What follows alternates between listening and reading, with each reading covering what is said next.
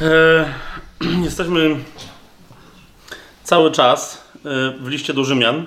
Od, od dwóch spotkań, to jest trzecie, e, w którym się pochylamy nad listem do Rzymian. Do modlitwy, która otw otworzy nam to dzisiejsze spotkanie, dwa cytaty chcę wziąć. Jeden właśnie z listu do Rzymian i drugi potem się z nim wiążący z innego listu, ale też od Pawła. A więc pierwszy fragment to jest list do Rzymian, 13 rozdział, ósmy werset. Paweł w liście do Rzymian, w tym 13 rozdziale, w ósmym wersecie, mówi następującą rzecz.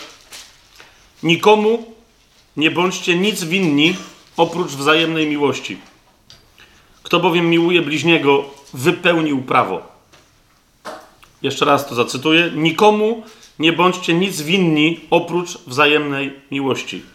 Kto bowiem miłuje bliźniego, wypełnił prawo. I jednocześnie zwróćcie uwagę, e, co wynika bezpośrednio z tego zdania. Jeżeli nie masz miłości do bliźniego, zwłaszcza do brata i siostry w Chrystusie, ale w ogóle do bliźniego, to jesteś jego dłużnikiem. Jeżeli nie masz miłości do bliźniego, to to jest dokładnie to, co jesteś winna lub co jesteś winien temu człowiekowi. Nikomu nie bądźcie nic winni oprócz wzajemnej miłości. Cały czas to jesteśmy winni sobie nawzajem i, wszystkich, i wszystkim, którym, których e, Pan stawia na naszej drodze. I teraz w odniesieniu do tego e, fragmentu Paweł e, w pierwszym liście do Tymoteusza, w pierwszym rozdziale, w piątym wersecie i dalej, mówi dokładnie taką samą rzecz, ale ona no, do tego, co tu teraz będziemy robić, się bezpośrednio odnosi. Mianowicie, pisząc do Tymoteusza, którego Paweł nazywa swoim e, synem, Paweł pisze tak, to jest pierwszy rozdział, piąty werset i dalej, pierwszego listu do Tymoteusza. Paweł pisze tak, końcem zaś przykazania jest miłość płynąca z czystego serca. Jak widzicie, to jest ta sama myśl, że kto ma miłość do bliźniego, ten wypełnił prawo. W liście do Rzymian Paweł napisał. A tutaj Paweł mówi, końcem przykazania jest miłość płynąca z czystego serca, z prawego sumienia i wiary nieobłudnej. I dalej kontynuuje, mówi, od czego niektórzy odstąpili i zwrócili się ku czczej gadaninie, chcąc być nauczycielami prawa, nie rozumiejąc ani tego, co mówią, ani tego, co stanowczo twierdzą. A więc Paweł mówi, że, że, miłość jest podstawą, jest źródłem, jest punktem wyjścia dla nas i jednocześnie jest punktem dojścia, jest naszą destynacją. My do miłości zmierzamy. Końcem zaś przekazania jest miłość płynąca z czystego serca, z prawego sumienia i wiary nieobłudnej. I dalej mówi, że niestety nawet ci, którzy sami siebie uznali za nauczycieli, zapomnieli o tym, a wobec tego nieważne czego uczyli i jak dobrze uczyli, skoro nie uczyli po to, żeby obudzić miłość, to całe ich nauczanie było tylko czczą gadaniną. Zwróćcie uwagę, chcąc być nauczycielami prawa, a nie rozumiejąc ani tego, co mówią, ani tego, co stanowczo twierdzą, e, zwrócili się ku czczej gadaninie, bo odstąpili od tego, że końcem przykazania jest miłość. Dlatego teraz y, na początku tego y, naszego rozważania, y, kolejnego rozważania związanego z listem do Rzymian, chcę Was zaprosić, żebyśmy się pomodlili wspólnie o to, żeby, żeby to studium nie tyle przymnożyło nam wiedzy, choć wiedza jest istotna, ale żeby nasze serca jeszcze bardziej skłoniło do tego, żebyśmy chcieli kochać. Amen. Ojcze, dziękuję Ci, że dajesz nam e, taką możliwość cały czas, że wciąż jeszcze w wolności możemy się w tym kraju spotykać i swobodnie świadczyć o Tobie, otwarcie rozważać Twoje słowo, Boże, uczyć się go i przekazywać prawdę o, o, o, Twoim piśmie wszystkim, których nam stawiasz na drodze.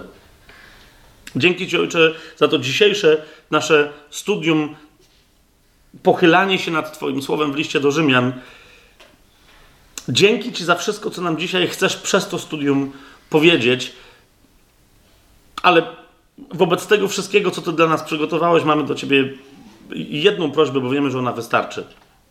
Poślij w imieniu Jezusa Chrystusa, prosimy Cię, Ojcze, poślij do naszych serc swojego świętego ducha, żebyśmy przez poznanie płynące z tego studium, z tego nauczania, z tego zbliżenia się do Twojego słowa, żebyśmy przez poznanie pogłębili w sobie miłość.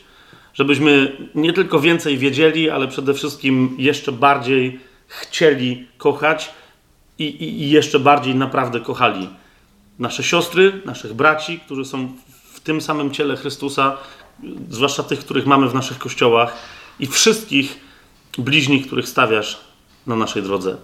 Daj nam, Panie, takie pragnienie, żebyśmy chcieli tym jednym jako świadectwem, miłością na Twój wzór świecić wobec innych ludzi i w ten sposób przyprowadzać ich do Ciebie. Amen. Amen. Okej, okay, jak pamiętacie, e, nie ostatnie, ale przedostatnie nasze spotkanie Yy, chyba niektórzy pamiętają, niektórzy nie, bo, bo, bo, bo was nie było. Ale zaczęliśmy dwa spotkania temu ogólnym, szerokim wprowadzeniem do listu do Rzymian, kto go napisał, do kogo, w jakich okolicznościach, kiedy to się stało, skąd Paweł do Rzymu pisał, kogo z tym listem posłał i tak dalej. Poprzednie nasze spotkanie poświęciliśmy w zasadzie jednemu tylko słowu z listu do Rzymian, słowo dulos, też dylos, jeżeli ktoś woli ten, ten rodzaj wymowy, yy, czyli niewolnik w odniesieniu do, do kogoś, nie kto został zniewolony, ale kto jest niewolnikiem Chrystusa, kto się pozbawił swojej woli, chcąc pełnić tylko i wyłącznie wolę Jezusa jako swojego Pana. No i więcej mówiliśmy o tym, dlaczego to jest tak istotne, że Paweł pisząc list do Rzymian przedstawia się najpierw w pierwszej kolejności, że jest niewolnikiem, dulosem Jezusa Chrystusa. E, I jakie to ma znaczenie dla całego listu. Dzisiaj sobie y, troszeczkę ten temat przypomnimy, ale jeszcze raz, o tyle, o ile, pamiętając, że już żeśmy o tym, e, że już żeśmy o tym mówili. Dziś wreszcie zajmiemy się e, spojrzeniem na ten list, o którym, jak pamiętacie, kiedyś przywołując rozmaite cytaty, mówiliśmy, że najlepsi, naj, najciekawsi, najmądrzejsi badacze i znawcy Pisma Świętego list do Rzymian nazywają katedrą, arcydziełem biblijnej teologii itd., itd., itd. Żebyśmy mogli docenić, jak niezwykle misternym arcydziełem jest list do Rzymian, to myślę, że potrzebujemy przejść od ogółu do szczegółu. Tak? Czyli wiecie, jeżeli, jeżeli rzeczywiście list do Rzymian jest, a według mnie jest taką katedrą myśli e, biblijnej, to zanim wejdziemy do środka tej katedry i przyjrzymy się tam jakiemuś sklepieniu żebrowo jakiemuś i przyjrzymy się e, jakiemuś zdobnictwu i tak dalej, i tak dalej, potrzebujemy najpierw z zewnątrz popatrzeć, jak wygląda ta katedra, o co w niej chodzi, z ilu tam naw myślowych się składa, gdzie jest wejście, gdzie jest centrum i tak dalej, i tak dalej. Więc dzisiaj y, chcemy się przyjrzeć listowi do Rzymian w ogólności. A więc chcemy zobaczyć, jak wygląda struktura i treść listu do Rzymian. Tak? Co, co y, chciałbym, żebyśmy w pewnym po prostu mieli ten jeden moment, i to jest dzisiaj, znaczy ten moment to może trochę potrwać, jak to u mnie bywa, ale jednak, żeby, żeby wiecie, żeby poprowadzić myśl Pawła w liście do Rzymian od początku do końca. Być może niektórzy z Was już taki eksperyment sobie przeprowadzili, ale wiecie, yy, my czasem nie zauważamy, że nam się wydaje, że wiemy, co się dzieje w jakimś fragmencie Biblii, dlatego że pamiętamy, że czytaliśmy dany list, ileś tam rozdziałów, wiecie o co mi chodzi? Czytaliśmy je tak, to, no to wiemy. Ale gdyby tak komuś opowiedzieć, na przykład taki krótki list, stosunkowo krótki list, jak, jak list do Galacjan. Wiesz o co mi chodzi? Gdyby tak opowiedzieć komuś po kolei, to o co w nim chodzi? Tak, ale tak w paru zdaniach. No nie pierwszy, drugi, trzeci, czwarty, piąty, szósty rozdział. O co tam chodzi?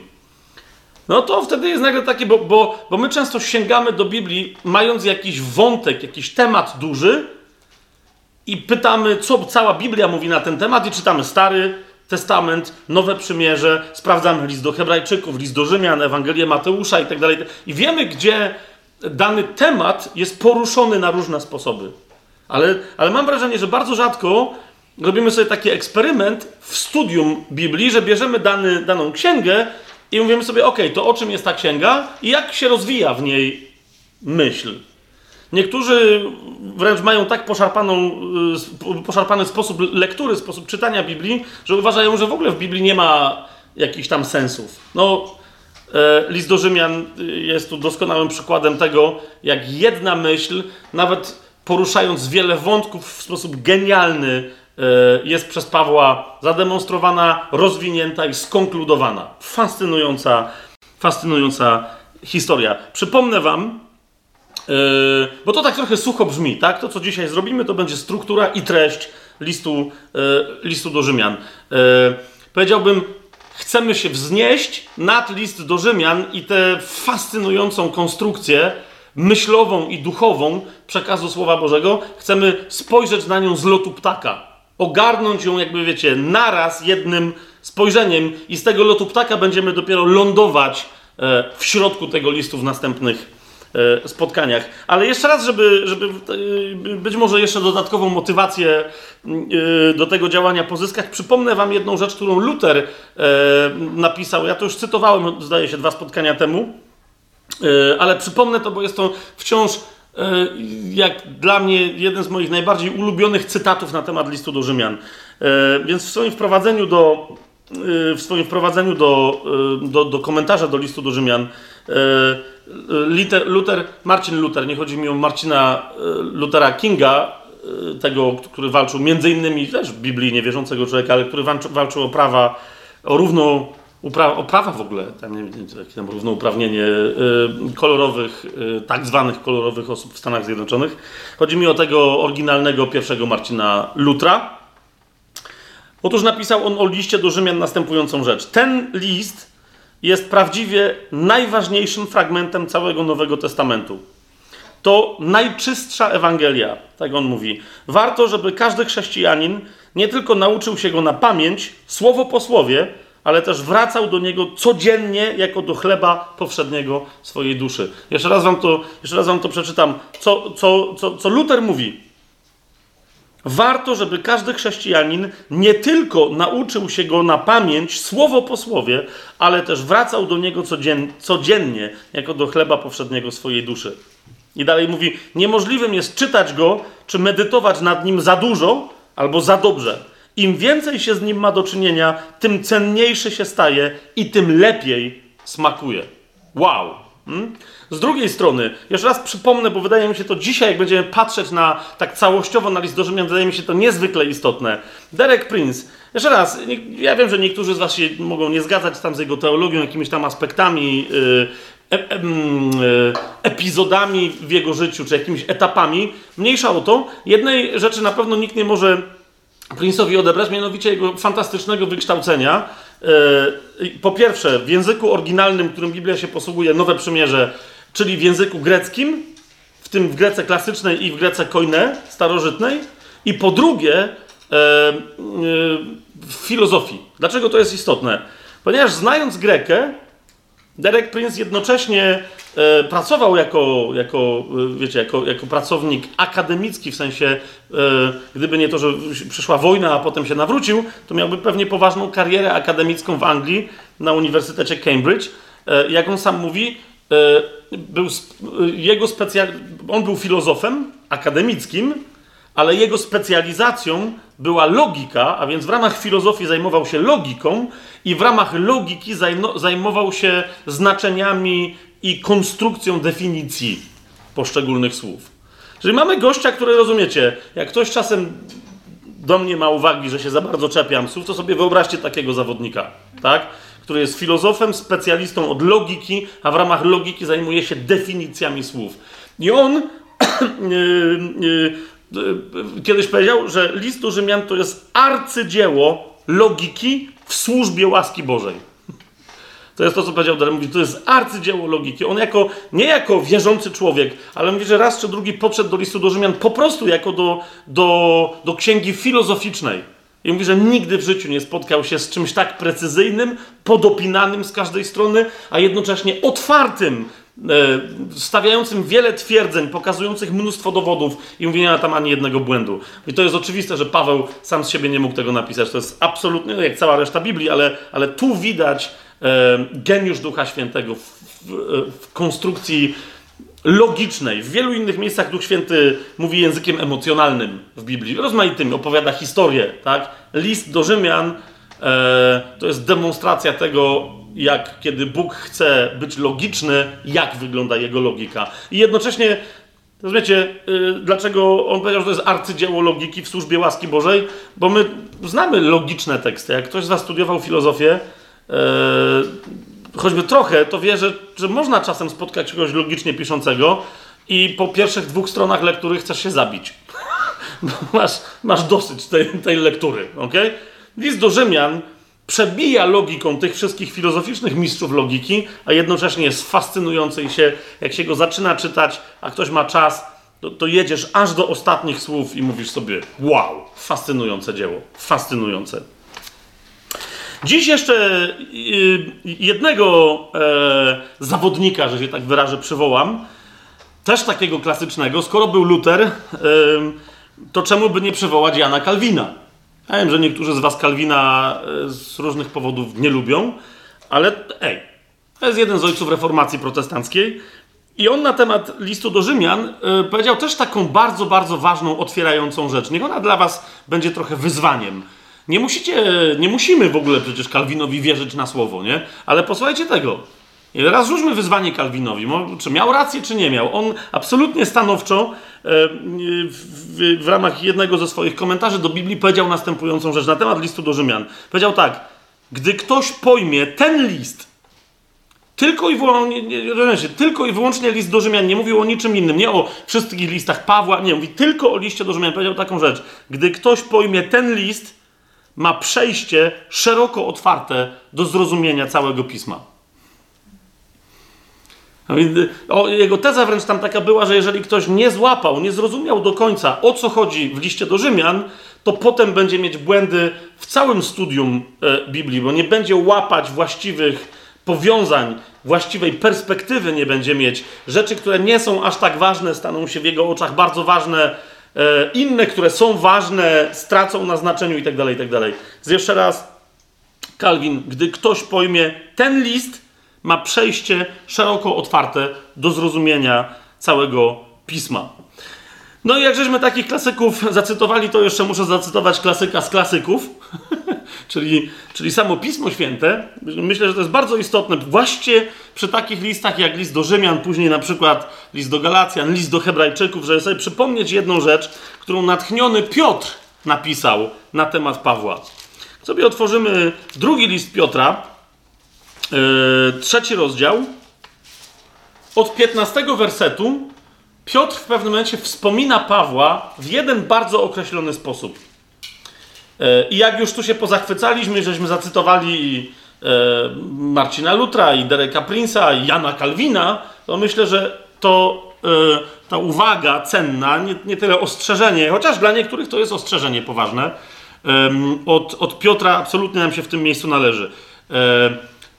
To się odnosi do wszystkich listów Pawła, ale powiadam, być może w szczególności do, właśnie do listu do Rzymian i listu do Hebrajczyków i listu do Galacjan. Otóż Piotr pisze tak, to jest trzeci rozdział, piętnasty werset i dalej. Piotr pisze tak. Drugi, drugi list Piotra, trzeci rozdział, piętnasty werset i dalej. Piotr pisze tak. A cierpliwość naszego Pana uważajcie za zbawienie, jak i nasz umiłowany brat Paweł według danej mu mądrości pisał do was jak też mówi o tym we wszystkich listach.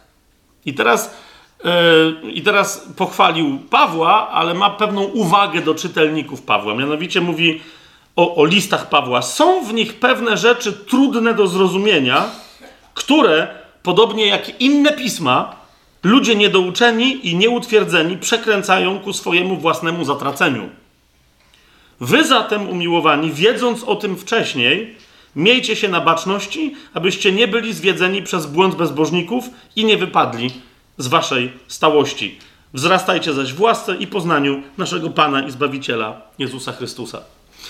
Krótko mówiąc, y, Piotr mówi, Paweł jest mądry, ale niekoniecznie wy jako czytelnicy Pawła jesteście tak samo mądry, mądrzy jak on, więc zamiast podchodzić do niego z jakąś mądrością zewnętrzną i szukać u Pawła potwierdzenia waszej mądrości, raczej stańcie w pokorze i dajcie się Pawłowi nauczać. To jest to, o czym mówi. Dajcie się Pawłowi nauczać. Jak czegoś nie rozumiecie, to przyznajcie, że nie rozumiecie i sprawdźcie gdzie indziej, w innych pismach, do których Paweł non-stop się odwołuje. Sprawdźcie szeroki kontekst.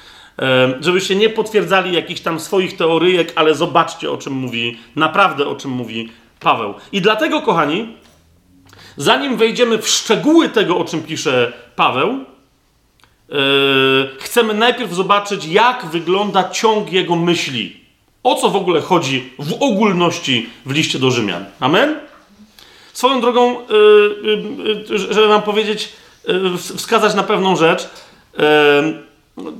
do, do, do bardziej zaawansowanych studentów pisma, o tym mówię. Zwróćcie uwagę, jak często, kiedy jest mowa o przyjęciu zbawienia, czy mówiąc jeszcze bardziej e, językiem e, biblijnym, o przyjęciu usprawiedliwienia i zbawienia w duchu, zauważcie, jak często jest cytowany list do Rzymian, 10 rozdział. Kto wie, co tam jest napisane, to, to wie, nie będę teraz tego mówił. Kto nie wie, to może sprawdzić. Chodzi mi o list do Rzymian, 10 rozdział, 9, 10 werset.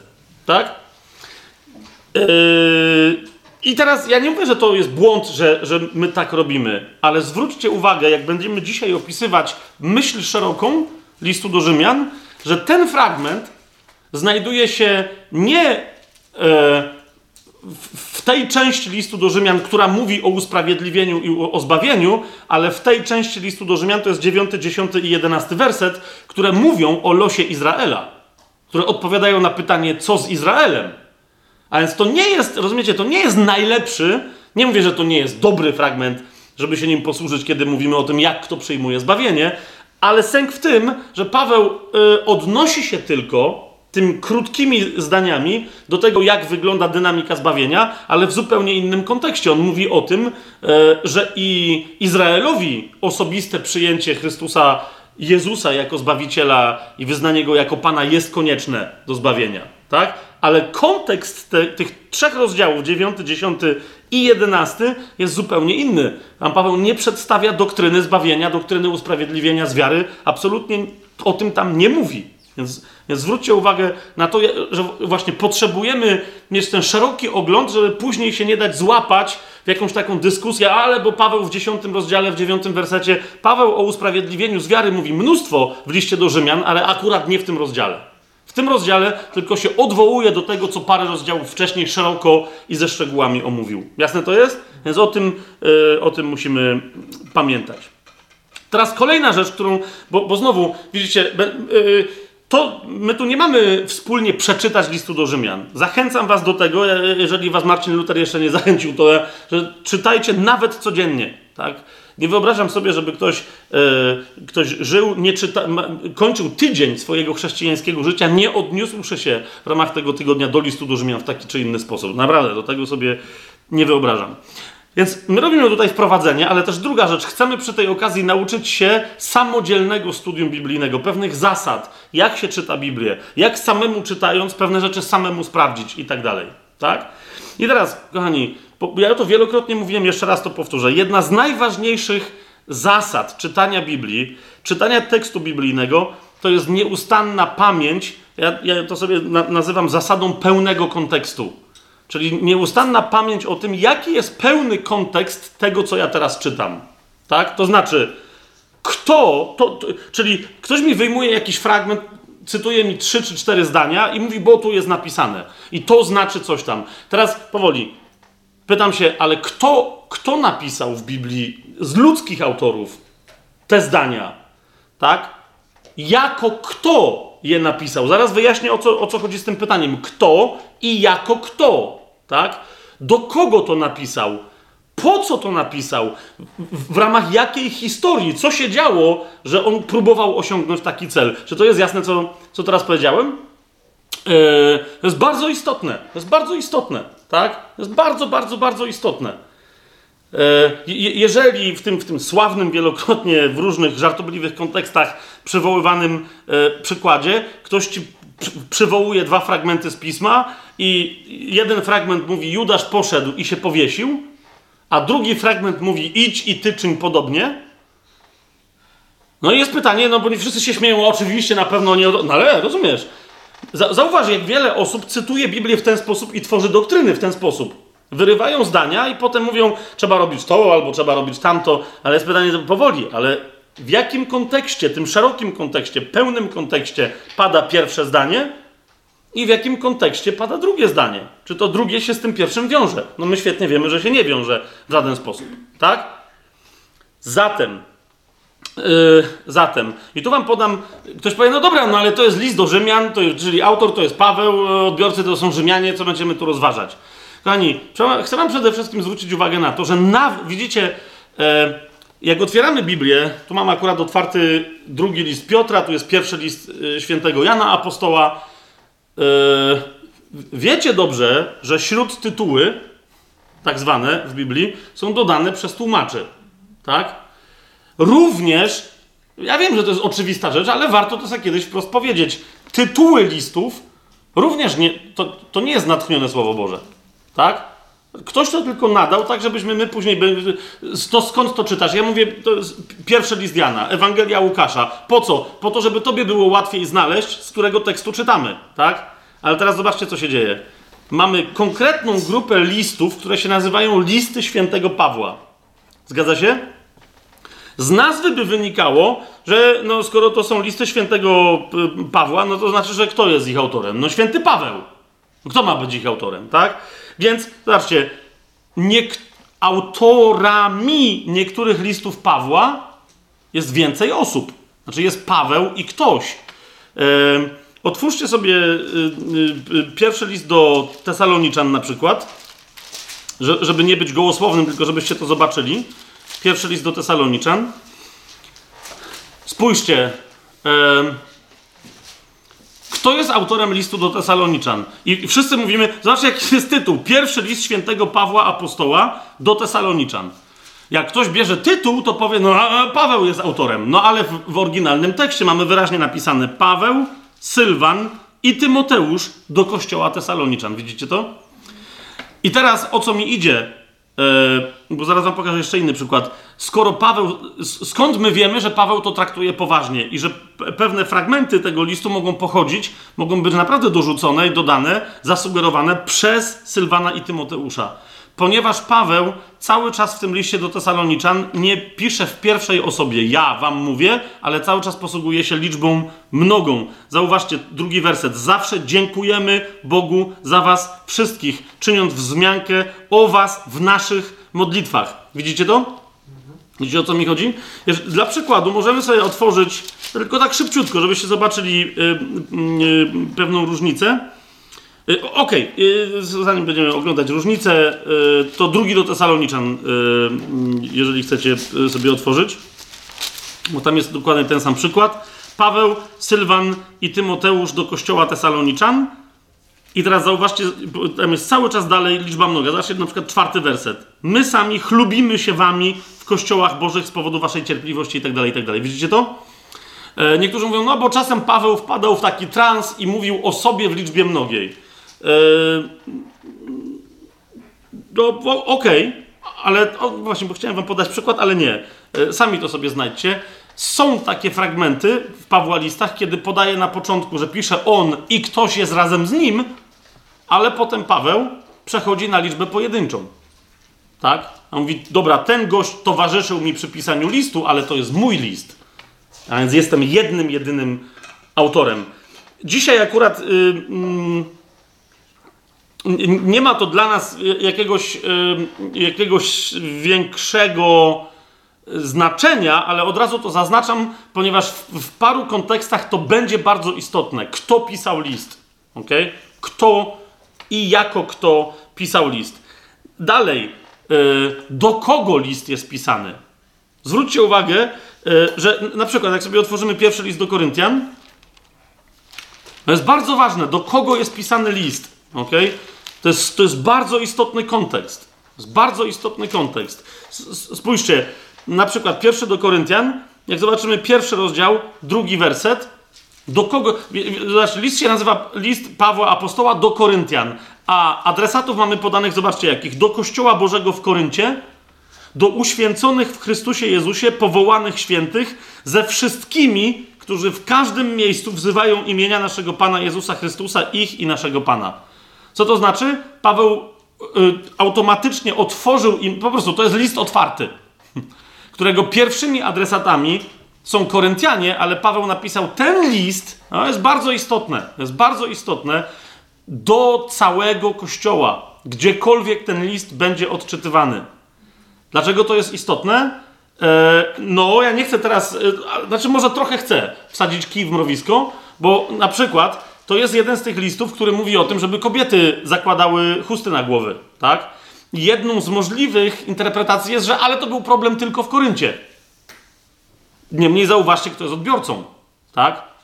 No, tu są, tu są, ktokolwiek nie przeczyta, a więc cokolwiek pisze w tym liście ma znaczenie uniwersalne. Raz tu niektóre kobiety patrzą na mnie, no ale przecież my nie... Powoli. Chodzi mi tylko o to, że pamiętacie, jak jest ten spór, czy kobiety mają wkładać na głowę cokolwiek, czy nie mają wkładać. Co mają wkładać? Ze względu na aniołów? Co to znaczy? Mają się odzywać, czy się nie odzywać?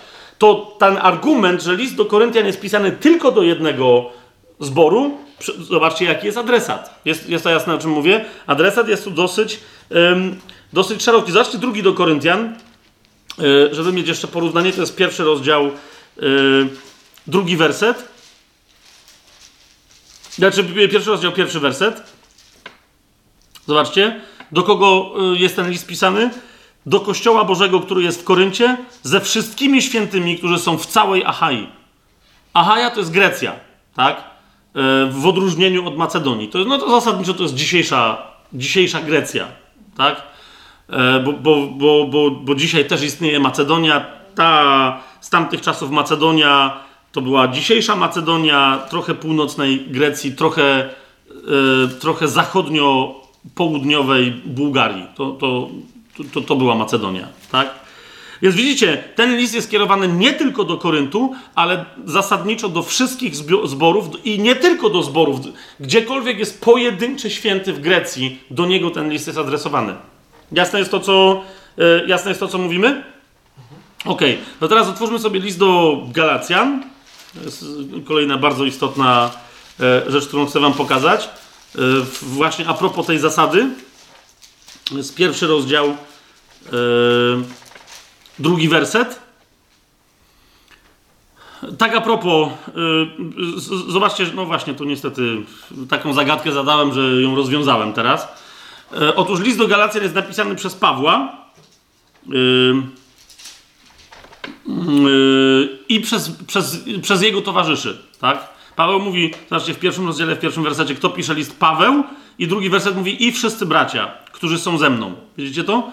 ale to jest jeden z tych momentów, kiedy tam jacyś bracia są e, z Pawłem, ale on celowo za specjalnie ich nie przedstawia, bo dalej, zauważcie, szósty werset pisze w liczbie pojedynczej, w pierwszej osobie. Dziwię się, że tak szybko dajecie się odwieść i tak dalej, i tak dalej, tak? Więc to, że jest wielu autorów nie ma większego znaczenia. Paweł jest głównym autorem i tyle. Ale zauważcie, kto jest odbiorcą, to są e, list jest skierowany do kościołów Galacji. To nie jest jedno miejsce, ok, ale to jest cała kraina i tam znowu jest od, odbiorcami są wszyscy, którzy znajdują się, że tak powiem, w całym tamtym klimacie. I jeszcze jeden przykład wam podam, bo nie zawsze na początku listu się pojawiają istotne informacje. Zobaczcie list do Kolosan. Bardzo ważna rzecz. E, list do Kolosan wygląda jakby był listem do, e, do Kolosan, ale na końcu listu do Kolosan znajdujemy bardzo istotną uwagę. To jest czwarty rozdział, szesnasty werset gdzie Paweł zaznacza bardzo istotną rzecz, która nam wskazuje, że to jest list nie do Kolosan, ale do Kolosan i Laodycejczyków. Ponieważ Paweł mówi w czwartym rozdziale, w szesnastym wersecie, a kiedy ten list zostanie u was przeczytany, dopilnujcie, aby przeczytano go także w kościele w Laodycei. A wy, żebyście przeczytali ten list, który wysłałem do Laodycei. No i teraz my nie wiemy, co za list Paweł wysłał do Laodycei, najwyraźniej nie był natchniony i dlatego nie trafił do kanonu pisma. Natomiast ten list trafił, był natchniony i zwróćcie uwagę, to jest list napisany w pierwszej kolejności do Kolosan, ale także do Laodycejczyków. Tak? Dlaczego to jest ważne? Bo zauważcie, mamy w Biblii inny list do Laodycejczyków, pamiętacie?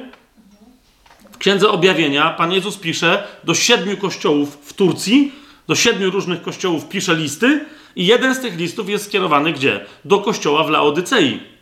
Oczywiście te, to jest jakieś 40-50 lat po tym, jak Paweł pisał ten swój list, więc to nam dobrze pokazuje, co się może stać z kościołem, który. No zobaczcie, jeżeli list do Kolosan Paweł uznał, że jest też do Laodycejczyków, to czytając ten list możemy rozumieć dobrze, że Kolosy i Laodycea miały podobne problemy. problemy nad podobnymi rzeczami Paweł się zachwycał i tak dalej. A więc stan tego kościoła, kościoła w Laodycei, z listu do Kolosan możemy swobodnie rozczytać. Zgoda?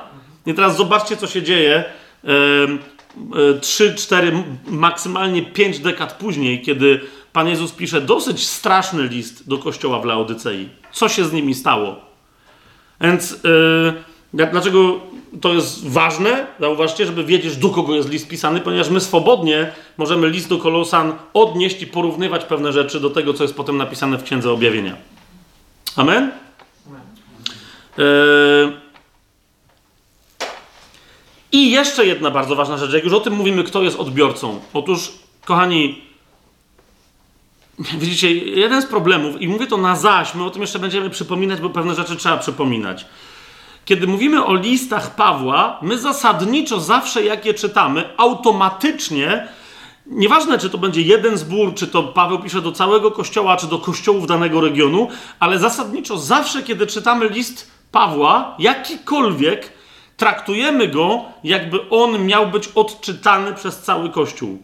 A chcę Wam zwrócić uwagę, że są listy, które są osobistymi listami Pawła, ok? Które są skierowane Pierwszy taki list, oczywiście, który wam przychodzi na myśl, to jest list do, do Tymoteusza. Zgadza się? Pierwszy list do, Tymusza, do Tymoteusza. Zobaczcie, co się dzieje. Pierwszy rozdział, pierwszy y, werset, Paweł, apostoł i tak dalej. I w drugim wersecie mówi, do kogo to jest list? Do Tymoteusza, mojego własnego syna w wierze. Wiecie o co chodzi? List, pierwszy list Pawła do Tymoteusza nie jest listem do kościoła. To, że Tymoteusz, jego syn w wierze, zajmuje się kościołem z poruczenia Pawła, to nie znaczy, że mamy traktować ten list jako list eklezjalny. Rozumiecie o co mi chodzi? To jest list. Oczywiście on jest natchniony i w nim są zawarte prawdy doktrynalne, dogmatyczne i tak. Ja to wszystko rozumiem, ale w pierwszej kolejności to jest właściwy plan list Pawła do Tymoteusza, pierwszy, podobnie i drugi, to są listy ojcowskie. Są listy ojcowskie. I dopiero w drugim planie apostolskie. Tak? Zobaczcie, drugi list Pawła do Tymoteusza. Pierwszy rozdział, drugi werset. Znowu Paweł pisze do Tymoteusza, umiłowanego syna. Wiecie o co chodzi? Już nawet nie mówi, że syna w wierze, tylko do Tymoteusza, umiłowanego syna. Czyj to jest list? Kim tu jest Paweł dla niego? Oczywiście on się mu przedstawia, apostoł Jezusa Chrystusa z woli Boga i tak dalej, i tak dalej, ale pisze do kogo? Do swojego syna. Hmm? Dlaczego to jest istotne? No na przykład, podam wam pewien przykład. A? E, pisząc do Tymoteusza, Paweł radzi mu, jak wybierać starszych. Pamiętacie to? I teraz niektórzy mają problem, i słusznie, ale właśnie wynikający z niewłaściwej perspektywy, że a, bo, bo wiecie, jak ktoś powierzchownie czyta, to mówi, takie same rady Paweł dał, jak wybierać starszych, Tymoteuszowi i Tytusowi. Ale przeczytajcie dokładnie, jak wyglądają rady dla Tymoteusza i dla Tytusa i okazuje się, że one są podobne, te rady, ale nie są takie same. Wręcz powiedziałbym, że w, że w dwóch, trzech momentach są w zasadzie kompletnie inne, jak się dobrze wczytać w, to, co Paweł tam po grecku pisze. Tak? I niektórzy mówią, o, to jest niezgodne. Hej, to nie jest żadna niezgodność. Po prostu Paweł pisał do Tymoteusza list ojcowski i jemu radził, jak on ma wybierać starszych. Okay? A nie pisał do całego kościoła, przekazując im uniwersalną zasadę. Ja też nie mówię, że to jest w ogóle nieważna zasada, jak przyjdziemy do, do Tymoteusza i do Tytusa będziemy o tym mówić, ale widzicie, pamięć o tym, kto do kogo pisze i po co, jest tu bardzo istotna. Swoją drogą, e, ten trzeci list taki osobisty do Tytusa, zobaczcie. E, pierwszy rozdział, czwarty werset. To jest list do Tytusa i znowu Paweł pisze wyraźnie, że to jest list do Tytusa, mojego własnego syna we wspólnej wierze. To jest trzeci list, konkretnie kierowany do jednej pojedynczej osoby. Jednej pojedynczej, yy, do jednej pojedynczej osoby. Ok, zobaczcie nawet koniec na przykład tego listu do Tytusa. Co prawda tam się parę osób dopisuje. Paweł pisze list, ktoś przechodzi i się pyta, do kogo piszesz. Ja mówi do Tytusa. Ja mówię, o to pozdrów go. Ok, no i mamy trzeci rozdział, 15 werset. Pozdrawiają cię wszyscy, którzy są ze mną. Pozdrawiają kogo wszyscy, którzy są ze mną? Ciebie. Nie was. Nie twój kościół. Nie twoich starszych, ale ciebie konkretnie. Tak? I w tym wszystkim tylko już zupełnie ostatnia uwaga a propos takich em, szerokich kontekstów. Otóż zauważcie, że list do Filemona nie jest listem do Filemona. To jest jeden, adresat tam jest jednym z najdziwniejszych adresatów. Bo Paweł do Filemona ma bardzo konkretną, osobistą sprawę. Filemon dał mu niewolnika, pamiętacie tą historię, będę teraz tego rozwijał, tak? E, ten niewolnik przy Pawle się nawrócił, e, no i Paweł go uważa za brata w wierze, no ale prawnie w Rzymie to jest gość, który jest własnością Filemona. Więc Paweł pisze do niego, nie mógłbyś go uwolnić, bo przecież trochę obciach, żebyśmy tak łazili, jak jesteśmy braćmi w Panu. Tak? Ale zauważcie, jak Paweł, bo teraz to, że my zobaczymy, kto jest adresatem tego listu, pokaże nam, jak Paweł myślał o Kościele. Zwróćcie uwagę, co się dzieje. To jest pierwszy rozdział, to jest jedyny rozdział w liście do y, Filemona. Pierwszy werset, y, drugi werset. Znaczy pierwszy i drugi werset, tak? Do kogo, do kogo pisze Paweł? Zobaczcie. Do umiłowanego Filemona, naszego współpracownika. I do kogo? Do naszej umiłowanej Apfi, do Archipa, naszego współbojownika i do kościoła, który jest w Twoim domu. To jest list napisany ze sprawą do Filemona, ale w której to sprawie świadkami mają być wskazani przez Pawła ludzie. Ok? A więc oni mają wiedzieć, co jest napisane w tym liście. To jest nadal list do Filemona, ale o treści tego listu ma wiedzieć Apfia, ma wiedzieć Archip i ma wiedzieć kto? Kościół domowy Filemona. Ok? To jest wyraźnie powiedziane do kościoła, który jest w Twoim domu. Widzicie to? Bardzo, teraz nie będziemy tego rozważać, ale wam, zobaczcie, jak jest istotne, żebyśmy wiedzieli, kto do kogo, yy, kto do kogo pisze. I teraz, jak już mamy, yy, jak już mamy to podkreślone, że jakie to jest bardzo ważne, to teraz, kochani, przechodzimy do listu do Rzymian. Będziemy sobie odpowiadać powoli na tego typu pytania. Po pierwsze, list do Rzymian. Kto i jako kto ten list pisze? Odpowiedzieliśmy sobie jasno dwa spotkania temu, że oczywiście autorem listu do Rzymian jest Paweł. W poprzednim, całe poprzednie spotkanie poświęciliśmy rozważeniu y, y, tego jednego słowa, którym się Paweł przedstawia w tym liście. Paweł, my mamy pierwszy rozdział, pierwszy werset listu do Rzymian, mamy słowo sługa, no ale to żeśmy całe ostatnie spotkanie temu poświęcili, tak?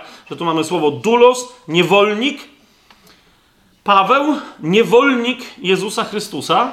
I dlaczego tak się przedstawił, to żeśmy sobie ostatnio, to żeśmy sobie ostatnio wyjaśnili, ale chcę zwrócić uwagę, że drugi człon tego, jak się Paweł przedstawia, jest niezwykle istotny, ponieważ Paweł tu się rozpisał.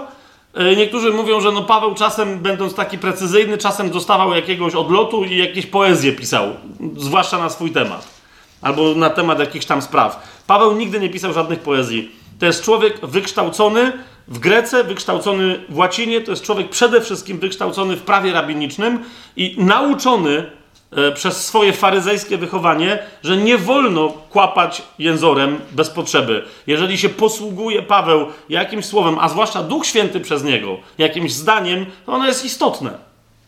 I teraz zauważcie, jak Paweł dalej się przedstawia, że pisze Paweł, ale jako kto? Jako sługa Jezusa Chrystusa. I teraz zauważcie, tu będziemy mieli sześć wersetów, które opisują Pawła, jako kto on pisze. Nie Paweł, o którym słyszeliście, wiecie, ten taki celebryta, albo dla niektórych z was ten misjonarz, co lata po całym świecie. Nie, nie, nie. Paweł mówi w ten sposób. Paweł, sługa Jezusa Chrystusa, i czytamy dalej, powołany apostoł, odłączony do głoszenia Ewangelii Boga. Drugi werset słusznie y, tutaj w UBG jest, jest wstawiony w nawiasie, bo to jest taka uwaga wtrącona, y, że jaką on głosi Ewangelię? No tą, którą przedtem obiecał Bóg przez swoich proroków w Pismach Świętych. Więc, więc to jest wtrącona uwaga. Je, jeszcze raz przeczytajmy bez drugiego wersetu, bo to jest wtrącona uwaga na temat Ewangelii. Więc jeszcze raz.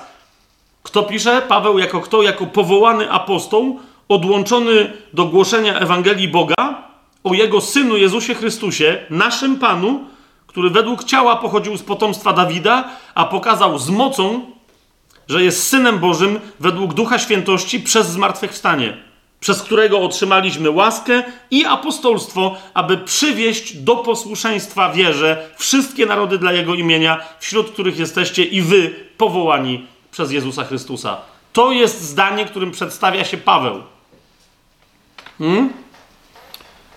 Dlaczego się tym zdaniem tak przedstawia? Ponieważ już przedstawiając siebie w pewnym sensie zdradza nieco, po co pisze do Rzymian.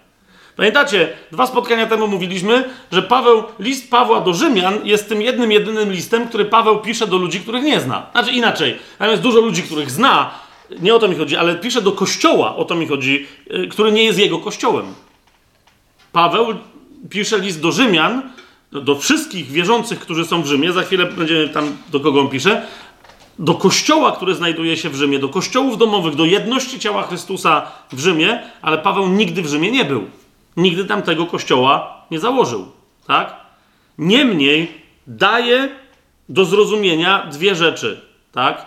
Że on pisze do nich nie dlatego, że zakładał ten kościół. Nie musi mieć takiego prawa, ale pisze do nich, bo jest w ogóle, po pierwsze, zwróćcie uwagę, uprawomocniony przez Boga przez Ojca, przez Jezusa Chrystusa w Duchu Świętym jest uprawomocniony do głoszenia dobrej nowiny. A więc to, jak on głosi dobrą nowinę, jest punktem odniesienia. Tak? Zauważcie, powołany apostoł odłączony z konkretnym zadaniem. Do czego? Do głoszenia dobrej nowiny, do głoszenia Ewangelii Boga. Ok? Pierwsza bardzo istotna rzecz. Jest uprawomocniony do tego, żeby głosić Ewangelię. I dwa, do tego, żeby sprowadzać tych, którzy już uwierzyli w Ewangelię, do tego, co on nazywa posłuszeństwem, posłuszeństwem wierze. Nie tylko głoszę Ewangelię, ale kiedy ktoś już ją przyjął, powinien dalej, dalej być posłuszny temu, co wynika z tego, że przyjął Ewangelię. Czy to jest jasne, co, e, czy to jest jasne, co mówię? Spójrzcie sobie 15 y, rozdział listu do Rzymian. Dobrze mówię, 15 rozdział listu do Rzymian. 15 i 16 werset. Zauważcie, bo tam Paweł drugi raz, tu najpierw mówi jako kto pisze, a tam mówi po co napisał. Tak jak, jak, ktoś przeczytał list i jakby dalej nie zrozumiał, to Paweł w jednym zdaniu podsumowuje po co ten list napisał. To jest 15 rozdział, 15 i 16 werset. 15 i 16 werset. Paweł pisze tak. A napisałem do was, bracia, nieco śmielej, jakby przypominając wam przez łaskę, która jest mi dana od Boga, po co? Po co? Paweł mówi, po to, abym był sługą Jezusa Chrystusa dla pogan, a więc wy w Rzymie jesteście przede wszystkim poganami, a nie Żydami. Nawet jeżeli Żydzi wam głosili Ewangelię, to ja mam prawo do tego, żeby do was pisać, bo, bo jestem apostołem pogan, a wy tam jesteście poganami, a więc abym był sługą Jezusa Chrystusa dla pogan. I teraz dwa, sprawując święte usługiwanie Ewangelią Boga, Widzicie to? Ten sam wyraz, co w pierwszym wersecie, jak Paweł mówi, że jest odłączony do, do tego, żeby głosić Ewangelię Boga. A więc sprawując święte usługiwanie Ewangelią Boga, aby ofiara pogan stała się przyjemna, uświęcona przez Ducha Świętego. Wow! Wow! No jeszcze zaraz sobie rozwiniemy nieco, nieco tę myśl, ale Paweł mówi, wy tam jesteście ofiarą pogan złożoną na Bożym ołtarzu. I teraz chodzi o to, że fantastycznie, że ta ofiara jest złożona, ale my teraz chcemy, i po to napisałem ten list, że, i mam do tego prawo, żeby ta ofiara była ofiarą doskonałą, uświęconą przez Ducha Świętego. Ja, jasne to jest? I zauważcie, że, że to się pojawia, ta myśl się pojawia już w tym, jak Paweł się przedstawia, jako kto ja do was piszę. I niech to zostanie zasadą za każdym razem, jak będziecie, i także inne listy. No, na przykład mieliśmy taką, taką rozmowę niedawno z tu obecnym bratem Tymoteuszem, yy, ale nie Tymoteusz, dla, dla, tych, co tego słuchają i nie wiedzą o co chodzi, nie, nie, nie ten Tymoteusz od Pawła zmartwychwstał przedwcześnie, tylko tu z naszym Tymoteuszem z, z, z Bibic. Yy, mieliśmy rozmowę na temat, yy, na temat yy, pewnej koncepcji Chucka Mislera, że mianowicie drugi list Jana Zauważcie, to drugi list Jana. E, nie będę teraz tego rozwijał, ale jak to jest bardzo istotne. Drugi list Jana nie jest napisany przez Jana do kościoła. Ja na przykład przez całe życie, zwłaszcza w kościele katolickim, ale później e, studiując protestancką teologię, e, teologię dyspensjonalistyczną, dyspensjonalistyczną, nieważne, i, różne te odmiany teologii, prawie wszyscy, jeżeli nie wszyscy, mówili mi, że drugi list Jana to jest list Jana, bardzo króciutki listek, listeczek Jana do całego kościoła. I że, żeby ukrywać temat, Jan Kościół nazywa wybraną panią. A Chuck Missler stawia tezę, nie ma większego sensu raczej stwierdzenie, że jeżeli Jan miał jakąś wybraną panią, to to była matka Jezusa?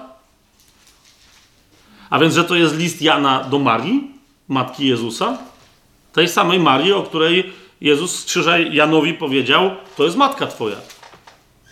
I teraz jeszcze raz dojdziemy do drugiego listu Jana, to będziemy rozważać, czy ta koncepcja ma sens, ale zauważcie, co się dzieje w tym liście w, w momencie, kiedy, kiedy to teoretycznie tylko założymy, że to mogłaby starszy do wybranej pani i do jej dzieci, że to pisze, że to pisze Jan do Marii. I o co wtedy chodzi?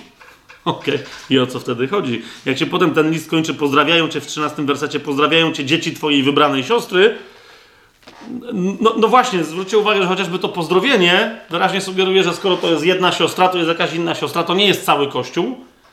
Gdyby to był konkretny kościół, który Jan nazywa wybraną panią, to by napisał do wybranej pani w Efezie na przykład. Wtedy zgodzę się, że tu by chodziło, wiecie, w czasach prześladowań o, o kościół, który jest w Efezie.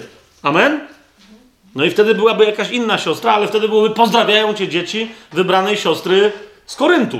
Tak? Ale nie ma tego rodzaju informacji. Więc jeszcze raz, jeszcze raz, e, z tekstu możemy, jeżeli naprawdę wiemy kto, jako kto, do kogo, po co pisze i tak dalej, naprawdę Słowo Boże może zacząć do nas mówić uu, jeszcze potężniej niż mówiło, e, niż mówiło do tej pory.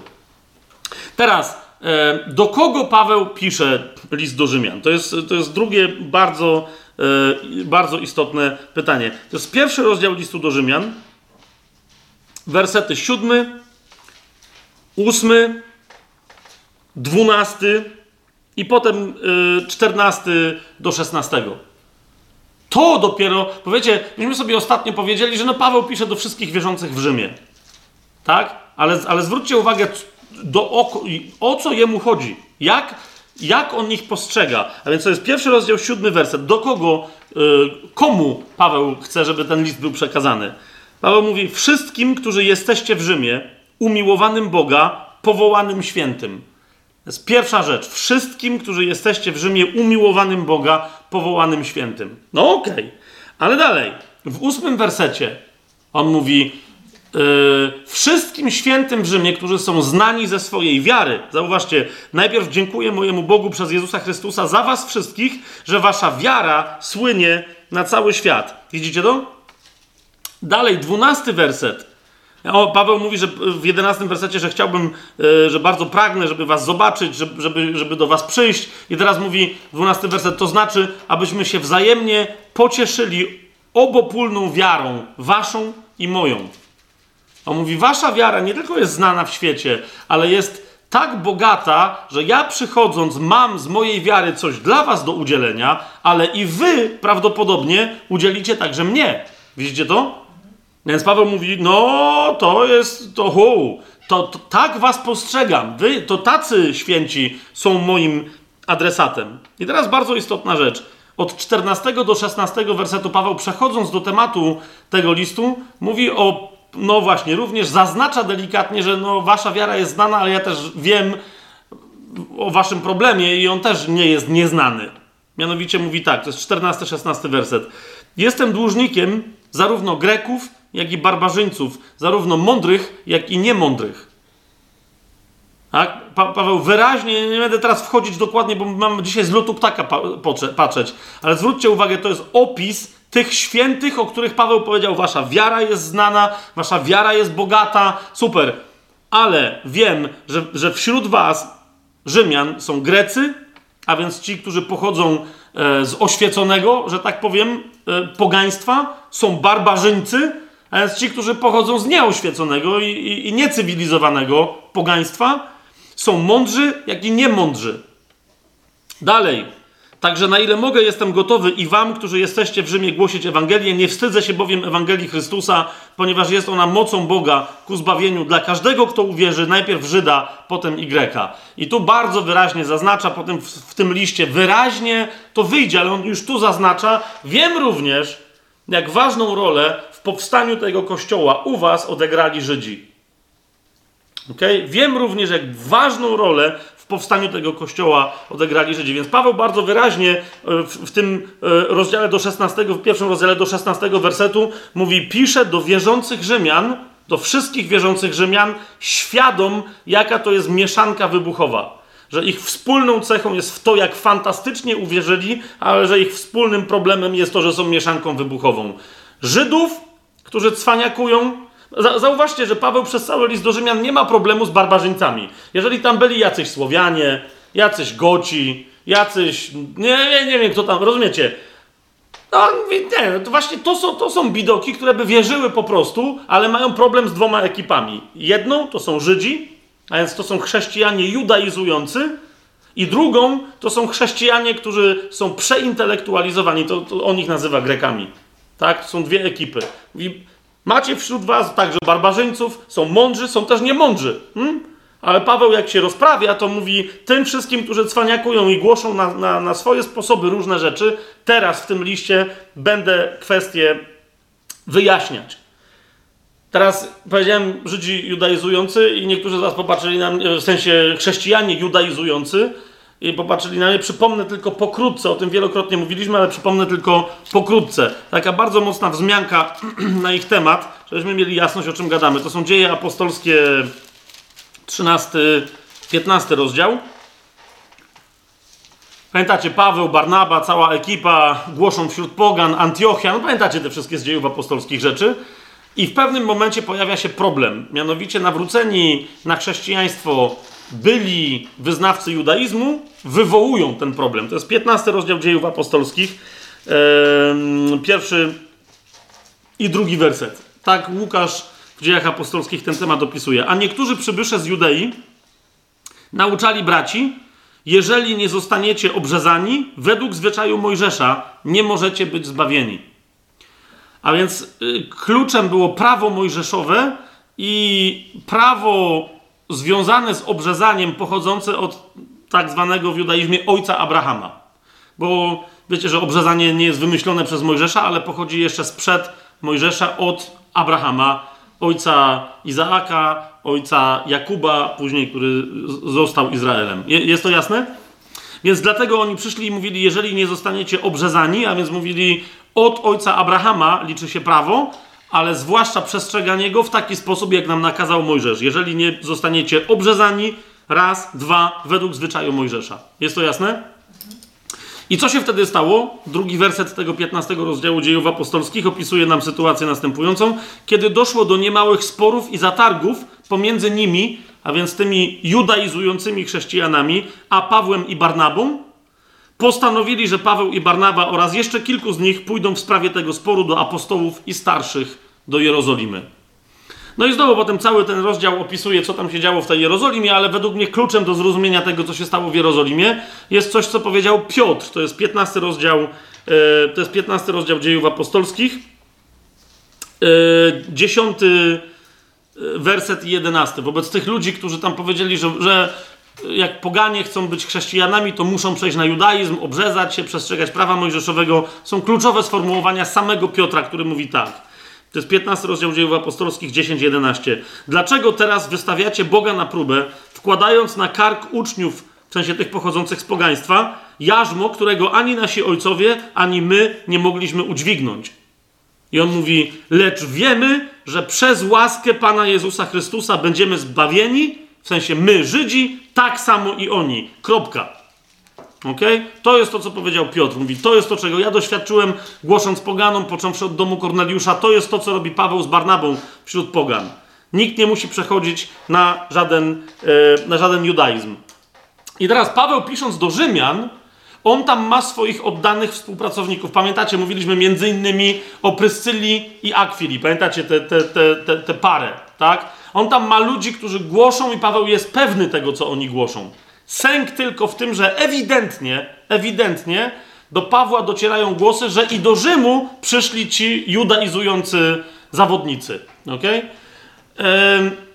Ten, wiecie, ten problem, ja od, od, razu go zaznaczam, bo on w liście do Rzymian aż tak mocno nie rozbrzmiewa, chociaż no brzmi dosyć kategorycznie Paweł w tej kwestii, e, ale naprawdę to, to był poważny, to było poważne zagadnienie. W pewnym momencie Paweł pod mocą Ducha Świętego mówi rzeczy, które do, do dzisiaj dla niektórych, nie, nie, niektórym tłumaczom, ja ich rozumiem, tak, no bo oni nie chcą nikogo zgorszyć, chociaż to jest ciekawe, że nie chcą nikogo zgorszyć Słowem Bożym. E, ale myślę, że taki absolutny wykwit tego problemu, że pojawiają się judaizujący chrześcijanie, to jest list do Galacjan. Kochani, tam jest taki fragment, jak sobie otworzycie list do Galacjan, piąty rozdział, chcę tylko, żebyście zobaczyli, że to jest powracający problem. E, I w pewnym momencie Paweł naprawdę, e, nie, nie, nie tyle Paweł, co Duch Święty przemawiający przez Pawła, nie przebiera w słowach ani w środkach, ale no bardzo konkretnie się odwołuje, bo to za długo trwa, tak? To jest w, w piątym rozdziale, w drugim wersecie, Paweł tam pisze, oto ja, Paweł, mówię wam, że jeśli dacie się obrzezać, Chrystus na nic się wam nie przyda. Więc widzicie, że to jest problem, że przyszli tam zawodnicy i mówią prawo mojżeszowe, tam wcześniej w tym liście to wyraźnie widać, i obrzezanie. Tak? Jako coś, co jeszcze wyprzedza prawo mojżeszowe. I teraz yy, dalej rozwijając tę myśl w tym piątym rozdziale, zobaczcie, od szóstego wersetu będę czytał, to są chyba jedne z najostrzejszych, najmocniejszych, powiedziałbym brutalnych słów, na temat ludzi, którzy próbują do chrześcijaństwa wprowadzać na powrót prawo mojżeszowe i tego ducha. Otóż e, od szóstego wersetu Paweł, Duch Święty przez Pawła pisze w następujący sposób. I będę czytać aż do dwunastego wersetu, gdzie jest ta taka zdumiewająca konkluzja. Otóż mówi tak, bo w Chrystusie Jezusie ani obrzezanie nic nie znaczy, ani nieobrzezanie. Właśnie to jest to, Paweł mówi, to nie chodzi o to, czy obrzezać, czy nie obrzezać. Mówi, nie, dlatego, że my mamy zupełnie inny rodzaj obrzezania, inny rodzaj inicjacji, wejścia na drogę duchową. Co to jest? To jest wiara, która działa przez miłość. Dlatego mówi, to nie chodzi o to, że, bo teraz oni mi mówią, że ja jestem antyobrzezaniowcem. Nie, Paweł mówi, ani obrzezanie nic nie znaczy, ani nieobrzezanie, ale wiara, która działa przez miłość. I teraz do Galacjan na samym końcu mówi im wprost, mówi, biegliście dobrze. Któż wam przeszkodził, abyście nie byli posłuszni prawdzie? Jest to. Mówi, po co macie wracać i teraz nagle będąc wolni w duchu robić się religijni? Co z tego, że to będzie najlepszy rodzaj religii, jaka istniała do tej pory, czyli judaizm. Ale my mamy coś stokroć, milionkroć, nieporównywalnie, no, żaden nam milionkroć, mamy coś nieporównywalnie lepszego. I dalej mówi, namawianie to, żeby się obrzezywać, żeby słuchać prawa mojżeszowego, namawianie to nie pochodzi od tego, który was powołuje. Wprost, bardzo delikatnie, ale jednak Paweł mówi, to nie pochodzi od Chrystusa. I dalej mówi, trochę zakwasu całe ciasto zakwasza. Mam co do was przekonanie w Panu, że nie będziecie innego zdania w domyśle no, niż ja, które teraz wam przedstawiam. A ten, kto was niepokoi, zostanie osądzony, kimkolwiek by był. Nie to, że Paweł chce go sądzić, tylko on wyraźnie sugeruje, bo wie, że tego listu będą też słuchać ci, którzy namawiają na to obrzezanie i na to prawo. Więc im bardzo delikatnie sugeruje, mówi: Może ja wiem, kto wy jesteście, może nie wiem, ale pamiętajcie, zostaniecie z tego osądzeni. I dalej jeszcze jedna rzecz, bo, bo niektórzy, widzicie, już na tyle się e, e, rozbestwili, że zaczęli przychodzić i sugerować, że nawet Paweł się z tym zgadza. Że może z prawem mojżeszowym to on się tam nie za bardzo zgadza, ale z obrzezaniem to on się zgadza. I jeszcze do tego się odwołując, Paweł mówi: A ja, bracia, jeżeli bym nadal obrzezanie głosił, to dlaczego cały czas cierpię prześladowanie? W domyśle od Żydów. Czy nie z tego powodu, że się kompletnie z nimi nie zgadzam? Przecież wtedy zniesione byłoby zgorszenie krzyża. Właśnie o to mu chodzi. On mówi, jeżeli pójdziecie w prawo mojżeszowe, jeżeli pójdziecie w pełnienie uczynków, jakieś znaki na ciele, obrzezanie e, abrahamowe czy mojżeszowe, nieważne, mówi, to zaprzeczycie krzyżowi. No i tutaj pada to słowo, to jest dwunasty werset, jedno z najbardziej brutalnych w tej, w tej całej debacie z judaizującymi chrześcijanami. Mianowicie tłumaczenie mamy, przeczytam takie jak jest, a potem wyjaśnię, co się tu naprawdę dzieje. Tłumaczenie mamy, bodaj by byli odcięci ci, którzy was niepokoją, tym namawianiem na obrzezanie się. Otóż jak sprawdzicie y, wszystkie dobre podręczniki greki, komentarze do tego fragmentu i tak dalej, to zobaczycie, że no, każdy, kto Grekę zna, powie wyraźnie, że sugestia, tak jak w tym tłumaczeniu, jest taka, jakby Paweł chciał powiedzieć, oby byli odcięci od ciała Chrystusa, ci, którzy od jedności z Kościołem, ci, którzy was namawiają na takie rzeczy. Ale Paweł tak nie mówi. Paweł tu mówi wprost, bardzo delikatnie, ale jednak sugerując jedną konkretną rzecz. Mianowicie, Paweł tu mówi, oby sami się wykastrowali ci, którzy was niepokoją w domyśle, namawiając na tam ucinanie sobie czegoś, czyli na obrzezanie. Paweł mówi, niechby se oni w ogóle wszystko wycięli.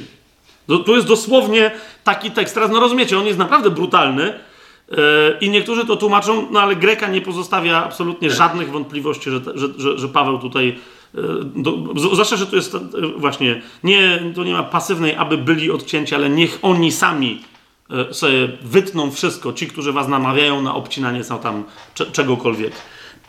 Więc yy, przypominam tylko o tym liście, ale ten wątek dyskusji z tymi, którzy sugerują obrzezanie, którzy sugerują przestrzeganie prawa mojżeszowego, on cały czas u Pawła się przewija, aż do listu do, do Hebrajczyków. Ma, mamy tu jasność w tej kwestii? Dobra. Mówię to tylko o tym, że jak Paweł sugeruje na początku, że pisze list do Rzymian, ale on wie, że tam są Żydzi, to już na wstępie im sugeruje, wiem też jacy to są Żydzi. I teraz pytanie kolejne. Po co Paweł pisze list do Rzymian? Po co Paweł pisze list do Rzymian? Po pierwsze, myślę, że to jest dosyć jasne, taki najdalszy cel to jest, Paweł mówi, chcę do was przyjść i pisze ten list, żeby przygotować moje przyjście do was. Znaczy, zanim ja przyjdę i będę robił to co, to, to, co mam zamiar robić, chciałbym, żeby pewne rzeczy, które wiem, że stanowią u Was problem, zostały przez Was wyczyszczone.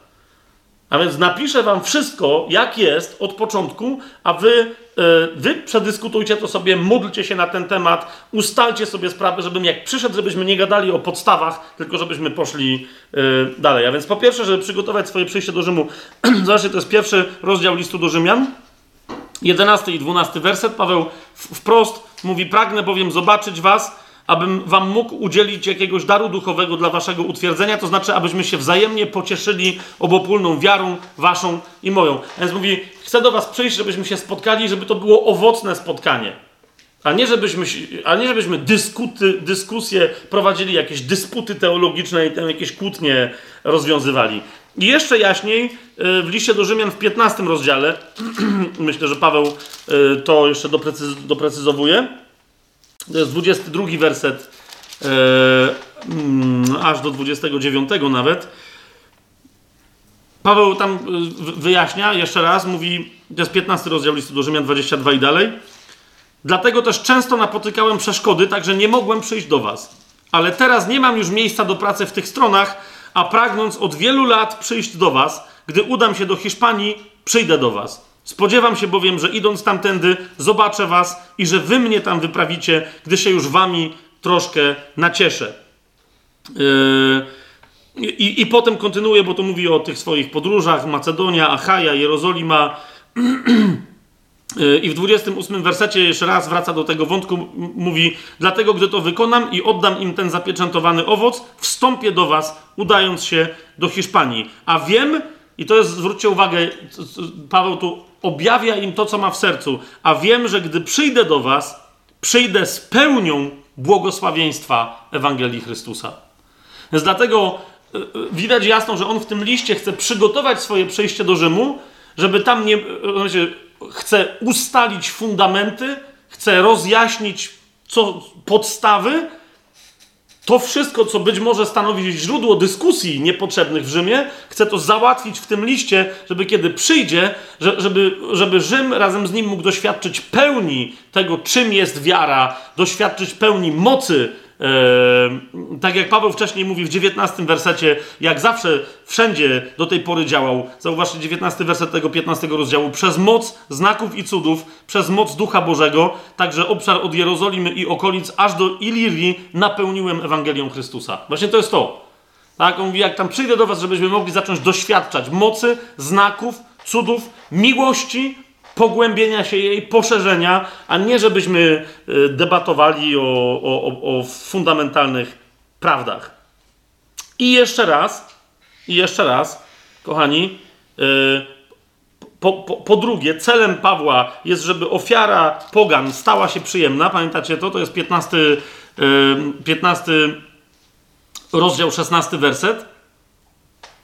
Aby ofiara pogan stała się przyjemna, uświęcona przez Ducha Świętego. Ok? Aby ofiara pogan stała się przyjemna, uświęcona przez Ducha Świętego. Co to znaczy? Teraz, teraz się bliżej temu przyjrzymy, bo to jest ewidentnie cel Pawła. On mówi: Ja wiem, że tam z ofiar, z, z pogan została złożona ofiara, bo tam poganie uwierzyli. Mówi: Halleluja. Ale teraz chodzi mi o to, żeby ta ofiara była prawdziwie doskonała, czysta i święta. Co to znaczy? Teraz wiem, że niektórych z Was zaszokuje tym, co powiem. Chociaż może niepotrzebnie. Ale żeby naprawdę dogłębnie przyjąć nauczanie listu do Rzymian, Pokłóćcie się potem ze mną, rozważcie to. Może się nie pokłóćcie, bo to według mnie jest dosyć oczywiste. Musimy przyjąć perspektywę piętna, początku 15 rozdziału listu do Rzymian. Mianowicie, bo jeżeli nie zrozumiemy tego, co się dzieje na początku 15 rozdziału, to naprawdę cały list e, będzie przez nas. E, no nie wiadomo po co go wtedy czytać. Ok? Cały list do Rzymian, to po co on jest napisany, zmierza do tego, żeby uzyskać owoc, który Paweł opisuje w 15 rozdziale listu do Rzymian w wersetach od pierwszego do siódmego. Paweł, wręcz powiedziałbym Paweł, jakby Paweł chciał powiedzieć, jeżeli dobrze zrozumieliście to, co do was napisałem, to będziecie tacy. Jako cały Kościół będziecie tacy.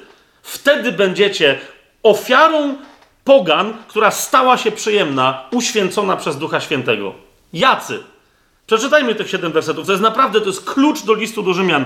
A mianowicie, nie żebyśmy my wiedzieli, co tu jest napisane, ale żebyśmy tacy byli. O to Pawłowi chodzi.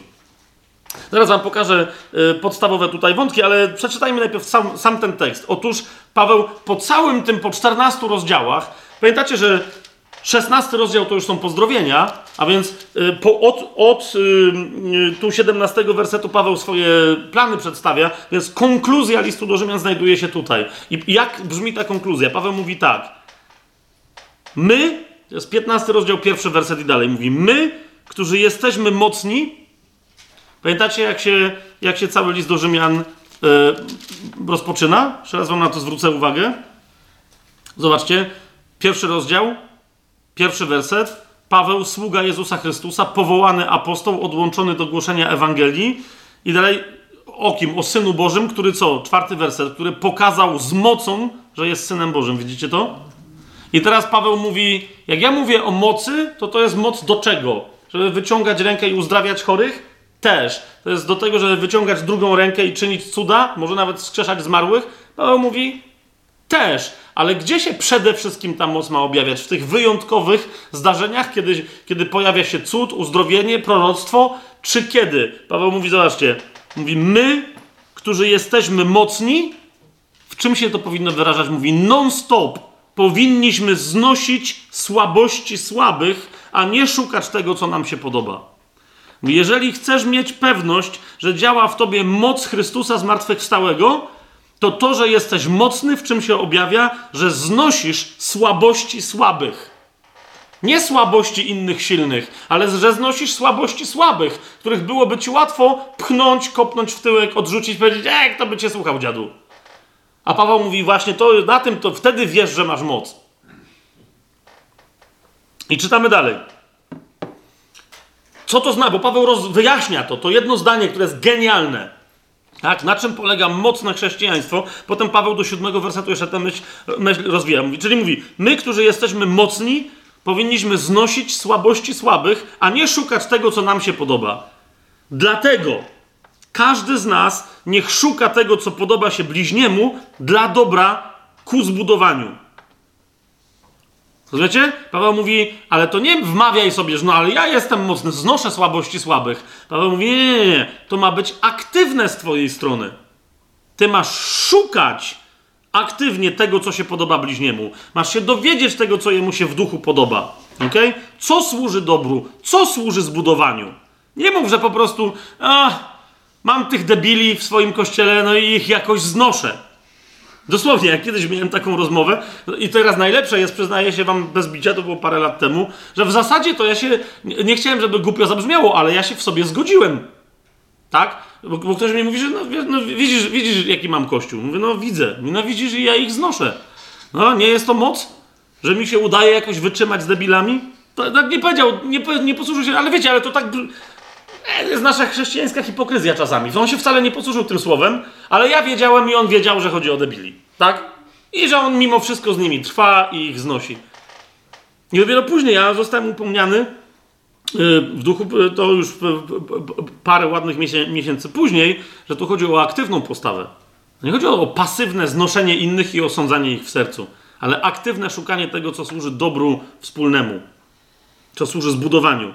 I dlaczego? Paweł mówi, bo pamiętacie, wszystko w tym liście ma z nas zrobić sługi Chrystusowe, niewolników Chrystusowych i niewolnice. Amen? Wszystko w tym liście. Paweł mówi, ja jestem sługą, wy też macie być sługami. Szósty rozdział listu do Rzymian. Tak? A tutaj mówi wyraźnie, co to znaczy. Dlaczego? On mówi, bo Chrystus najpierw był takim sługą. A nie ma niczego doskonalszego, jak być podobnym do Niego. Dlatego mówi, mówi, dlatego każdy niech szuka tego, co podoba się bliźniemu dla dobra ku zbudowaniu, ponieważ Chrystus nie szukał tego, co Jemu się podobało, ale, jak jest napisane, urągania, urągających Tobie, spadły na mnie. To są słowa Jezusa, które mówi do Ciebie i do mnie. Mówi, urągania urągających Tobie spadły na mnie. To są słowa Jezusa, które mówi do swojego Ojca, urągania urągających Tobie, Boże, Ojcze, spadły na mnie, wziąłem to wszystko na siebie. I dalej Paweł kontynuuje. Wszystko bowiem, co przedtem napisano, ku naszej nauce napisano, abyśmy przez cierpliwość i pociechę z pism mieli nadzieję. A Bóg cierpliwości i pociechę niech sprawi, abyście byli jednomyślni między sobą na wzór Jezusa Chrystusa, abyście jednomyślnie, jednymi ustami wysławiali Boga, Ojca naszego Pana Jezusa Chrystusa. Dlatego przyjmujcie siebie nawzajem, jak i Chrystus przyjął, Chrystus przyjął nas do chwały. A zatem, cały cel tego listu to jest Pawła, to jest zrobić z Rzymian mocnych chrześcijan. Okej? Okay? Nie tylko po prostu nawróconych ludzi, do zbawionych ludzi, ale uczniów, którzy są mocni w swojej wierze. Nie tylko których wiara jest sławna i znana, ale których wiara może być przykładem dla innych. Co to oznacza? Po pierwsze, znosić słabości innych, a nie szukać tego, co się nam podoba. Po drugie, szukać aktywnie tego, co służy dobru ku zbudowaniu okay? co, co służy dobru ku zbudowaniu. Po trzecie, abyśmy zachowywali cierpliwość. O, to jest wielki temat w, pis w, pismach Pawła, ale nie tylko. Pamiętacie, Jan w Księdze Objawienia mówi, że jest, że jest współsługą i jednoczy się z wszystkimi innymi chrześcijanami, mówiąc ich, że, że, że, że trwa w cierpliwości Jezusa, tak jak i oni wszyscy. Tak? To jest duży temat, ale ta cierpliwość okay, ma się wyrażać, uważajcie na to, to jest po trzecie, czy nawet po czwarte już nie jak to liczyć, w jednomyślności. Ok? To jest piąty werset. Bóg cierpliwości i pociechy niech sprawi, abyście byli jednomyślni między sobą. I ta jednomyślność ma mieć za wzór nie to, co my wy wymyślimy, że jest jednomyślnością, ale my mamy być tak jednomyślni, jak Jezus Chrystus zamierzył tę naszą jednomyślność i jak, jaki On nam dał wzór. Jeszcze raz, abyście byli jednomyślni, 15 rozdział, 5 werset, między sobą na wzór Jezusa Chrystusa. Widzicie to? Dalej Paweł mówi i to jest, będzie już który piąty punkt, żebyście w tej jednomyślności wtedy dopiero razem wielbili. Nie będę tutaj wchodził nie na tym etapie w język grecki, ale y, to, to, to, to, sformułowanie w szóstym wersecie, abyście jednomyślnie, jednymi ustami wysławiali Boga, Ojca naszego, Pana Jezusa Chrystusa, ma takie specyficzne założenie, że jeżeli nie będziecie jednomyślni, to nie będziecie mieli jednych ust. A jak nie będziecie mieli jednych ust, to możecie sen uwielbienie wasze nazywać uwielbieniem, ale ono nie będzie uwielbieniem. Ok? Jak ktoś z Was będzie kiedykolwiek miał nauczanie, tu jest wiele osób, które mają takie nauczania, będzie prowadził modlitwę, e, niekoniecznie pieśni, tak, tylko po prostu, bo przecież w wielu kościołach domowych i tradycyjnych nawet nie zawsze uwielbienie polega na śpiewaniu pieśni tylko i wyłącznie, czy hymnów. Czasem, wiecie o co mi chodzi, po prostu mówimy rzeczy, tak? Pismo mówi, żebyśmy to robili jednymi ustami. A żeby mieć jedne usta, potrzebujemy być jednomyślni. Możemy stać obok siebie i mówić: Wielbimy Cię, Panie, halleluja, bądź uwielbiony. Jeżeli nie ma jednomyślności pomiędzy tymi, tymi ludźmi, to list do Rzymian tutaj mówi, wcześniej na początku mówi: No, przez Was poganie bluźnią Bogu, jak, jeżeli się taką hipokryzją, akurat do Żydów to mówi, ale to na to samo wychodzi, jeżeli się taką hipokryzją od, odznaczacie. I na samym końcu, to jest dla mnie werset klucz, to jest 15 rozdział, 7 werset, ponieważ ten werset w pewnym sensie stanowi plan na cały list do Rzymian. Otóż Paweł mówi: Przyjmujcie siebie nawzajem, jak i Chrystus przyjął nas do chwały Boga. Ho! nie wiem, czy widzicie. Nie wiem, czy widzicie, co się tu dzieje. Czyli ja mam Ciebie przyjąć w moim życiu, w rozmowie, w Twojej prośbie do mnie skierowanej, w czymkolwiek. Ja mam Ciebie przyjąć. Zauważ, już nie jak Chrystus. Mamy być jednomyślni na wzór Jezusa Chrystusa. To jest piąty werset. A teraz obczaj, jak Ty do mnie przychodzisz z czymś, prosisz, otwórz mi drzwi, Fabian. To zauważ, ja mam Ciebie przyjąć tak, jak Chrystus mnie przyjął do chwały Boga. O! To jest plan na list do Rzymian. Paweł mówi: Chcę, żebyście byli tacy, żebyście przyjmowali siebie nawzajem, tak jak Chrystus nas przyjął do chwały Boga. Ale to jest koniec listu. On od samego początku ten plan realizuje. Mianowicie mówi, żebyście wy byli tacy. Jak, jak wam sugeruje, żebyście siebie przyjmowali nawzajem, tak jak Chrystus nas przyjął do chwały, to może najpierw wyjaśnijmy sobie, jak Chrystus przyjął nas do chwały Boga. A więc list do Rzymian, list do Rzymian ma, powiedziałbym, jeżeli miałbym wam przedstawić pierwszy plan, absolutnie podstawowy, to pierwsza część listu do Rzymian mówi, najogólniej rzecz ujmując, pierwsza część listu do Rzymian mówi o tym, jak Chrystus przyjął nas do chwały swojego Ojca. Oczywiście począwszy od tego, że no, najpierw nas Paweł informuje dosyć e, jednoznacznie, że no, najpierw wszyscy wylecieli z tej chwały na własną prośbę, tak? A więc, że jest potrzeba, żebyśmy byli przyjęci na powrót do chwały Boga. Jak? Tylko Chrystus może to uczynić. I to jest to. A więc pierwsza część listu do Rzymian. Za chwilę sobie wyjaśnimy, jak Paweł prowadzi tę myśl, ale to jest to. Pierwsza część listu do Rzymian. Jak Chrystus przyjął nas do chwały Boga. I teraz w trakcie, kiedy Paweł o tym mówi, jednocześnie już zaczyna przedstawiać w tym my liście myśl, dlatego to nie jest tak, że jest pierwsza część, a potem druga. One się w pewnym momencie zazębiają, ponieważ Paweł mówi, kiedy widzicie, jak Chrystus przyjął was do chwały Boga, to tym bardziej, im bardziej widzicie, jak On nas, Ciebie, jak przyjął do chwały Boga, tym bardziej zechciej Ty tak samo przyjmować innych. Do nich się odnosić. Czy to jest jasne, o czym mówię? To innymi słowy oznacza, a więc, skoro chcesz skorzystać w swoim życiu z dzieła tego dulosa Bożego, tak? Z dzieła tego, którego żeśmy y, w poprzednim y, y, spotkaniu wyraźnie powiedzieli, że to jest ten cierpiący sługa Jahwe, tego Eweda Jahwe. Jeżeli ty chcesz skorzystać z jego dzieła, które on podjął dla ciebie osobiście, imiennie, jeżeli chcesz, żeby się to stało prawdą w twoim życiu, to jednocześnie przyjmij to, że okej, okay, on ci to wszystko, co dla ciebie zrobił, on ci to da i przyjmie cię do chwały Boga, ale bądź konsekwentny, bądź konsekwentna i ty teraz zacznij przyjmować następnych.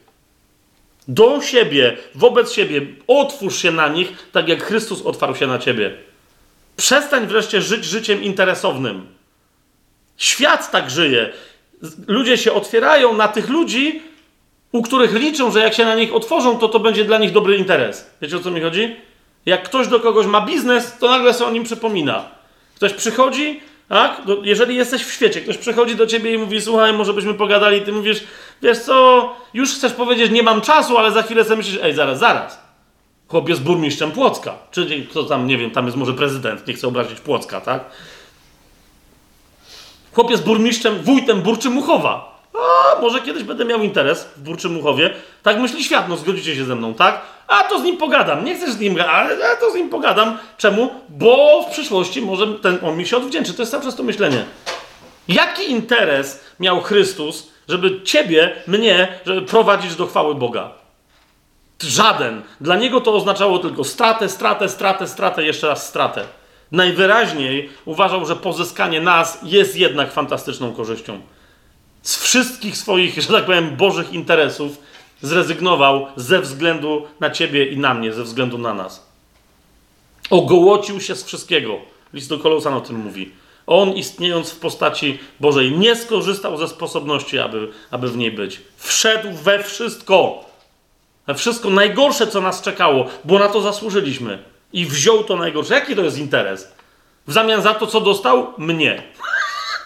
Gościa, który mu zbluźnił, który go obraził, który grzeszył przeciwko niemu, Chrystus poniósł całą karę za mnie i, co dostał w zamian? No dalej mnie. I stwierdził, ok, to jak już cię mam, to teraz jeszcze będę nad tobą pracował. Jaki jest interes Boży w tym wszystkim? Żaden. To jest czysta miłość. Absolutnie bezinteresowna. Amen? To jest to. I teraz, i teraz to jest prosta wymiana. Paweł mówi, im bardziej to zobaczysz, i w liście do Rzymian coraz bardziej to widzimy, tą objawiającą się Jego miłość, tym bardziej Paweł mówi, to tym bardziej weź ty, tym więcej tego, jeszcze bardziej dostaniesz, im bardziej ty przyjmiesz taką postawę. Więc jeszcze raz, 15 rozdział listu do Rzymian, 7 werset, to jest plan de facto na cały list do Rzymian. Okay? Przyjmujcie siebie nawzajem, jaki Chrystus przyjął nas do chwały. Pierwsza część jak Chrystus przyjmuje nas do chwały. Druga, jak wobec tego my mamy przynieść Bogu owoc, przyjmując innych w Jego, e, w jego imieniu. Amen? Więc kluczowe, e, widzicie, to jest ta ofiara pogan, 15 rozdział, 16 werset, która się staje przyjemna, uświęcona e, przez Ducha Świętego. Kluczowe wersety, żebyśmy to zobaczyli, że tak jest. Zasadniczo do piątego rozdziału Paweł wyjaśnia problem, a potem przedstawia łaskę, Ewangelię łaski, czystą Ewangelię łaski, ale w szóstym rozdziale mówi, no dobra, dobra, ale łaska nie znaczy, że mamy się zupełnie e, rozpuścić, wręcz przeciwnie, mamy wziąć odpowiedzialność. I pod koniec szóstego rozdziału, e, w którym Paweł wyjaśnia, że to, no, to, to, to łaska nas z niczego nie zwalnia, łaska nas zatrudnia, y, mówi, te, te, tu mówi te, właśnie o tym przejściu. To jest szósty rozdział, 22 werset. Mówi, ale teraz, uwolnieni od grzechu, gdy staliście się sługami Boga, macie swój pożytek ku uświęceniu, a na końcu życie wieczne. A więc, jak przedstawia łaskę, za chwilę mówi, ale łaska, wyzwalając cię z całej nędzy, z wszystkiego, bezinteresowna miłość, która do ciebie przychodzi, ona zamienia cię w sługę Bożego. Rozumiesz, to jest, taki jest koszt.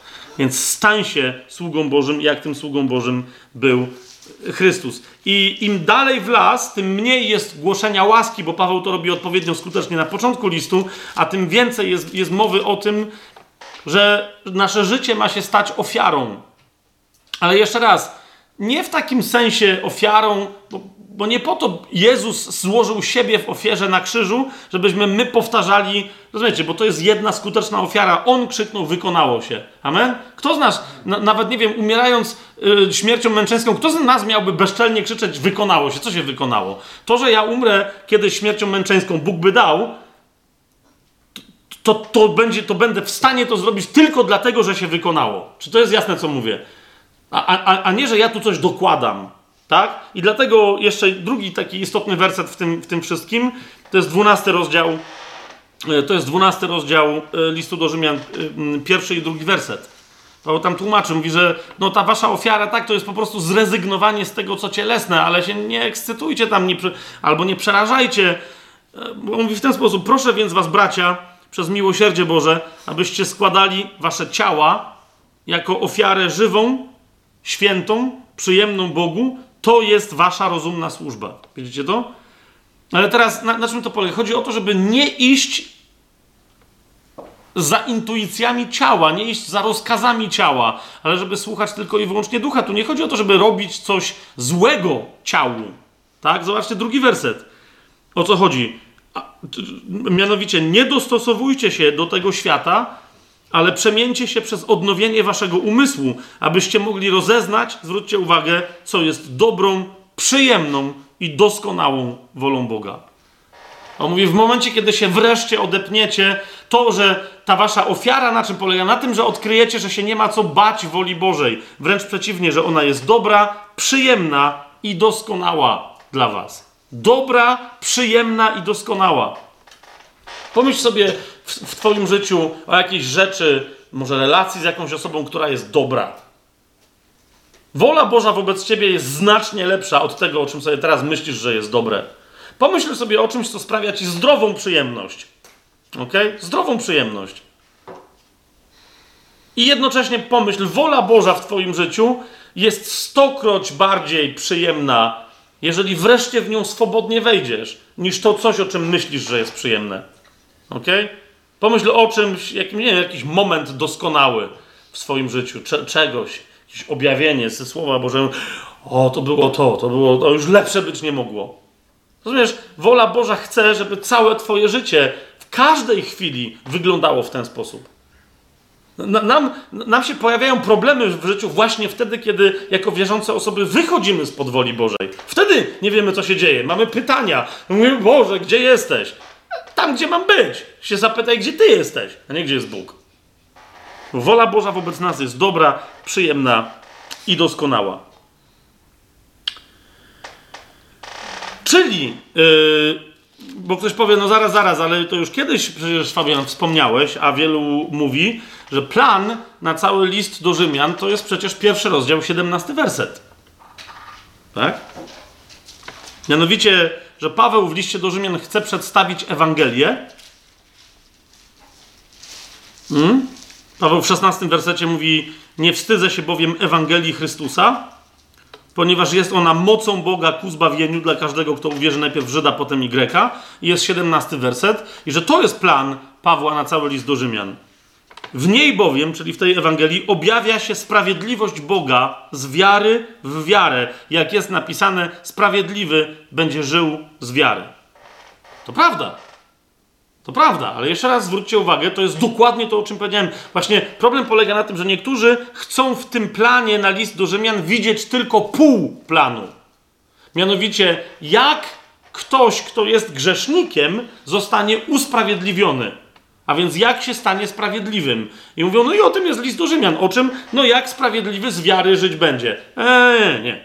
Najpierw to jest jak niesprawiedliwy grzesznik tylko i wyłącznie przez wiarę zostaje usprawiedliwiony, a potem, kiedy już jest usprawiedliwiony, a więc w oczach Bożych jest kimś, kogo Bóg nazywa sprawiedliwym, jak ten ktoś, kto już doświadczył usprawiedliwienia, teraz przez wiarę ma dalej żyć.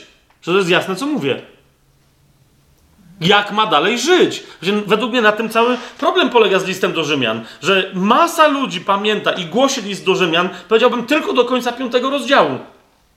Łaska, łaska, łaska, łaska, łaska. I wszystko się zgadza. Tak? Ale musimy pamiętać o tym, że, że łaska prowadzi do usprawiedliwienia. A ktoś, kto jest usprawiedliwiony, dalej ma żyć. Że nie umiera i nie idzie do nieba od razu. Tak?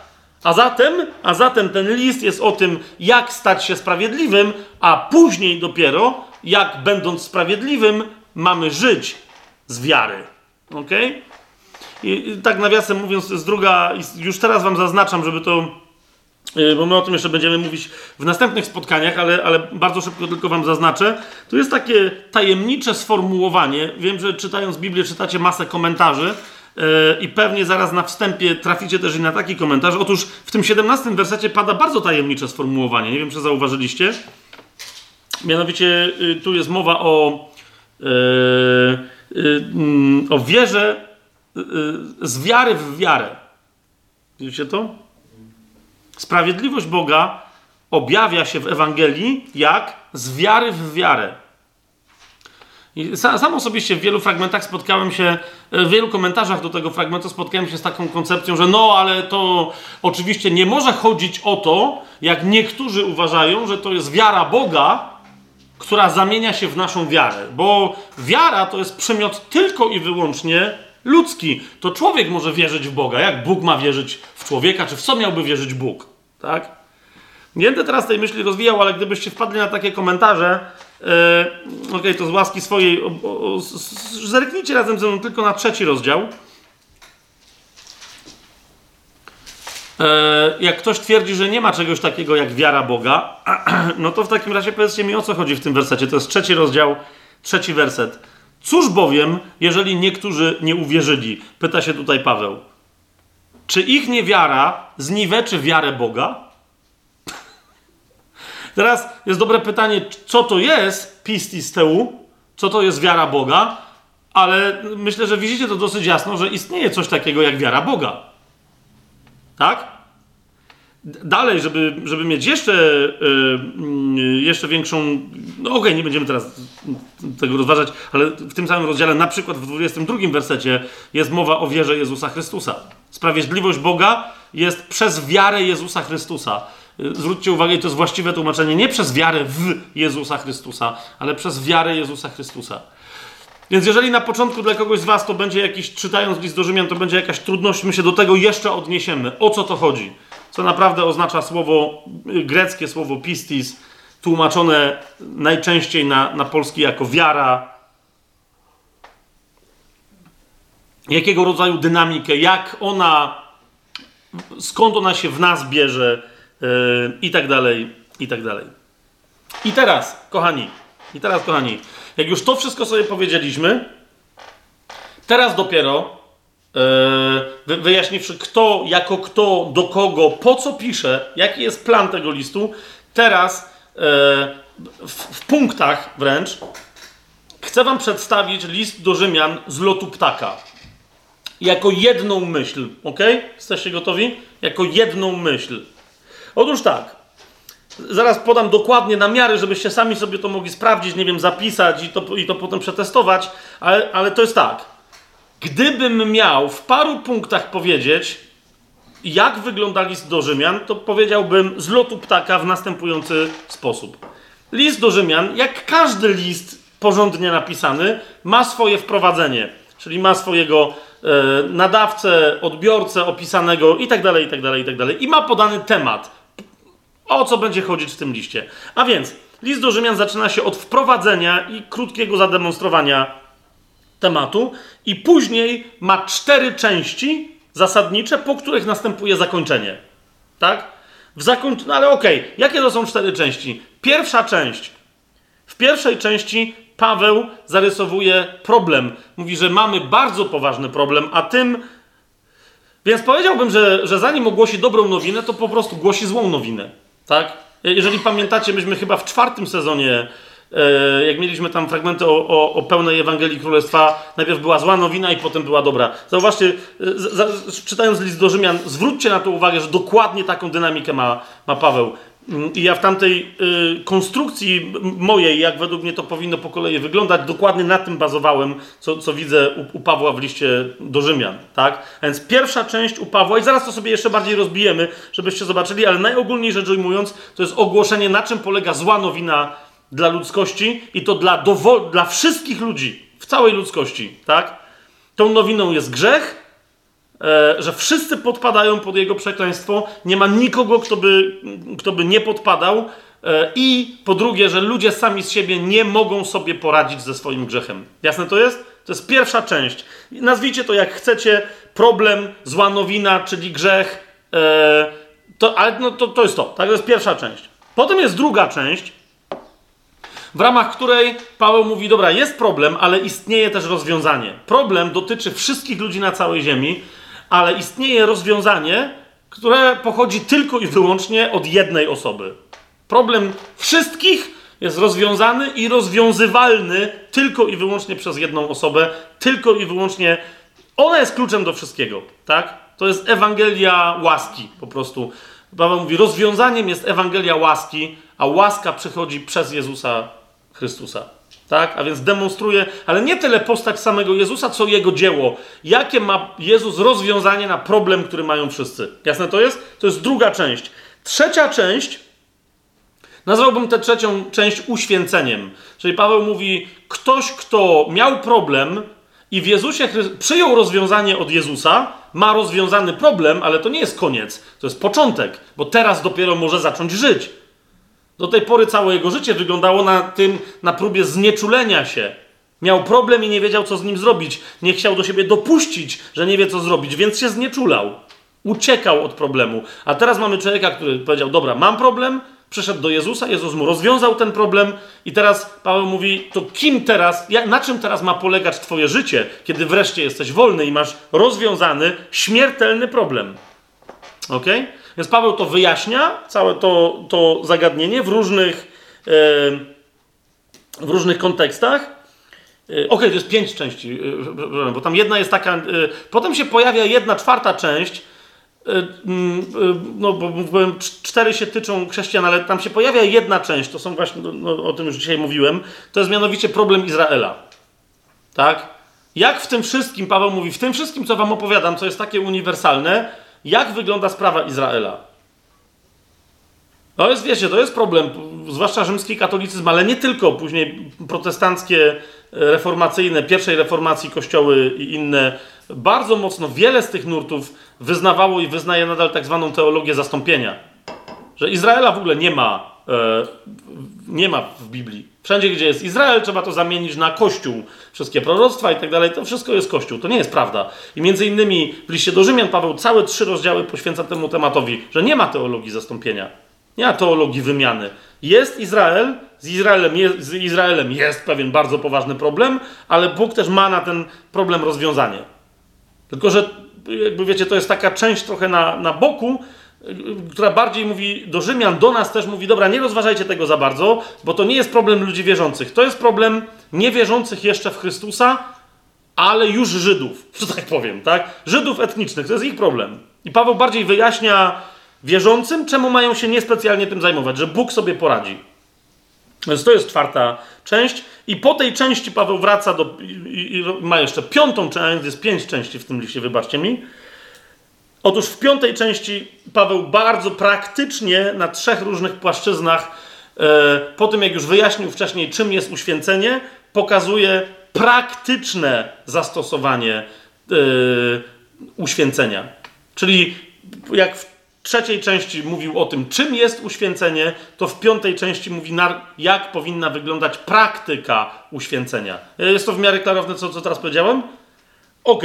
I po tej piątej części pojawia się zakończenie, czyli Paweł. Yy, zaraz wam podam konkretne namiary, czyli Paweł przedstawia Rzymianom swoje plany na przyszłość wobec nich, yy, przekazuje bardzo obfite pozdrowienia dla różnych ludzi, yy, których zna w Rzymie i po trzecie mm, kończy cały list do Rzymian uwielbieniem końcowym. Niektórzy z jakiegoś powodu, nie wszyscy, masa ludzi wie, co się tam dzieje, ale niektórzy mówią, że, że list do Rzymian kończy się błogosławieństwem końcowym. To nie jest prawda. Yy, ale to no dobra, no nie będziemy teraz tego, nie będziemy teraz tego yy, więcej o tym mówić. Teraz, jak Paweł, ma to sens, co powiedziałem?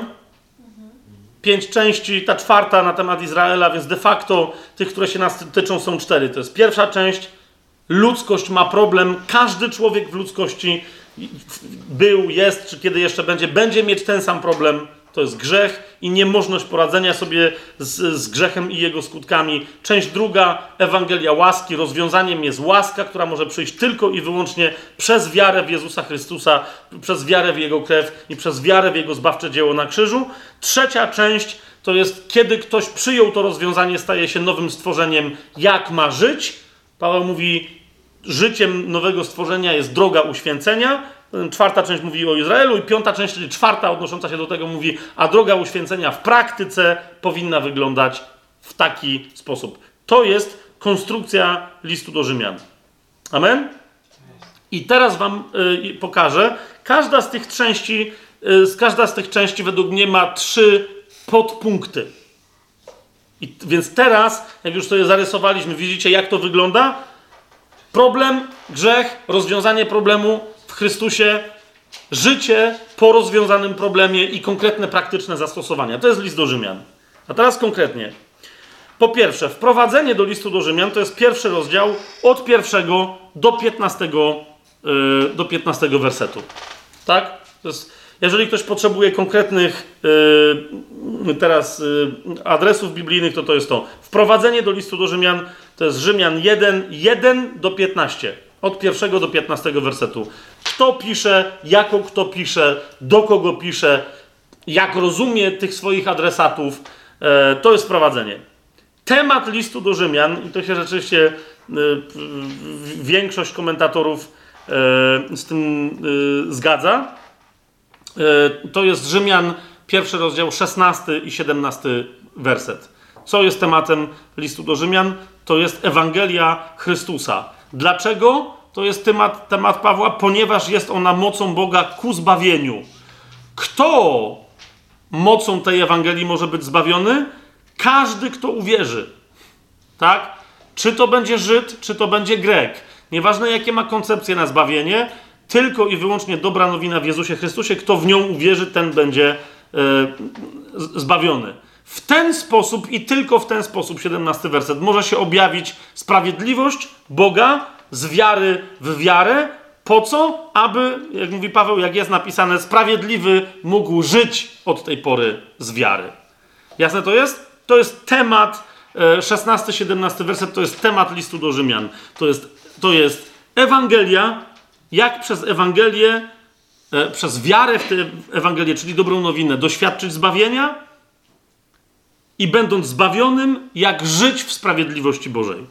Ok? Niektórzy wręcz powiadają, że tematem całego listu do Rzymian w związku z tym są różne aspekty sprawiedliwości Bożej. Że cały list do Rzymian jest poświęcony tylko jednemu zagadnieniu, mianowicie sprawiedliwości Bożej.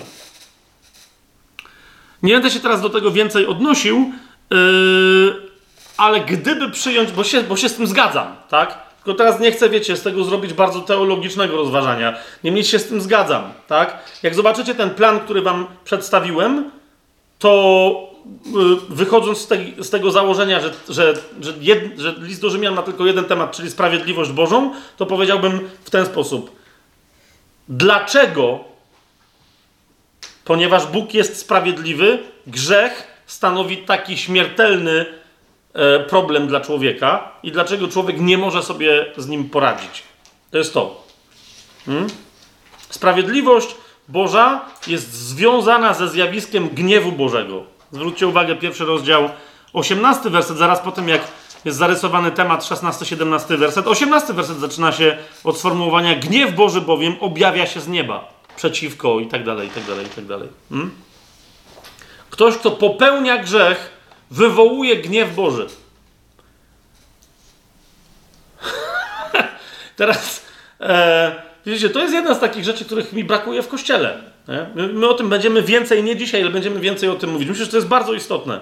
Mówić o gniewie Bożym. Ok? Powiedziałem, że ktoś, kto popełnia grzech, wywołuje gniew Boży.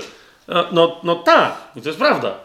Tylko, że nie przeciwko sobie, ale przeciwko swojemu grzechowi. Zwróćcie uwagę, 18 werset mówi: Gniew Boży objawia się z nieba przeciwko ludziom, nie. Przeciwko wszelkiej bezbożności i niesprawiedliwości ludzi. Widzicie to? Bóg chce zbawienia wszystkich ludzi. Natomiast, kiedy ludzie grzeszą, to wywołuje naturalnie, ponieważ grzech jest czymś absolutnie niesprawiedliwym. Każdy z nas ma takie doświadczenie i ono jest w pewnym sensie boskie. Kiedy ktoś z nas jest świadkiem niesprawiedliwości, Takiej ewidentnej niesprawiedliwości. Jaki masz jeden z pierwszych odruchów w sercu? Gniew. Jak to? Nie może tak być. To jest niesprawiedliwe. Wiecie o co mi chodzi? I to w tym sensie, to jest to. Tylko my często, ponieważ jesteśmy grzesznikami, to mamy ochotę co zrobić? No, zabić tego, kto wywołuje niesprawiedliwość.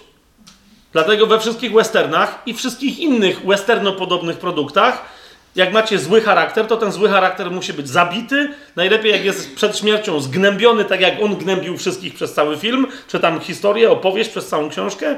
Więc musi być zgnębiony, zabity. Dla pewności wszelakiej, jak już jest zabity, żeby czasem nie wstał, bo wiecie, historia bywa, że zabili go i uciekł, to jeszcze, zresztą czasem w takich filmach czy opowieściach tak jest, że zabiją gościa, a on jeszcze wstaje. Więc, że jak już jest zabity, to żeby się upewnić, to trzeba go jeszcze spalić. Albo zamrozić i roztłuc na drobne kawałki, żeby z całą pewnością już wiem, żeby, żeby, go, żeby to była pełna anihilacja. Kogo? Grzesznika. Gniew Boży obraca się przeciwko temu, ok? Przeciwko temu, co jest grzechem, przeciwko temu, co jest wynikiem grzechu w człowieku, przeciwko temu, kto lub co sprowadza człowieka na drogę grzechu, ale gniew Boży nigdy nie podnosi się przeciwko człowiekowi. Czy to jest jasne? Kochani, będziemy o tym więcej mówić, bo to jest bardzo ważny temat w liście do zmian, ale tylko wam zaznaczam, nie bójcie się tego, tego, tego sformułowania. W całym Nowym Przymierzu, we wszystkich księgach Nowego Testamentu, list do Rzymian, yy, temat gniewu Bożego ma najbardziej rozwinięty. Wyobraźcie sobie, że na przykład w Ewangelii Mateusza, w Ewangelii Jana yy, słowo gniew w odniesieniu do gniewu Bożego pada pojedynczo. W liście do Rzymian pojawia się więcej razy nawet niż w Księdze Objawienia.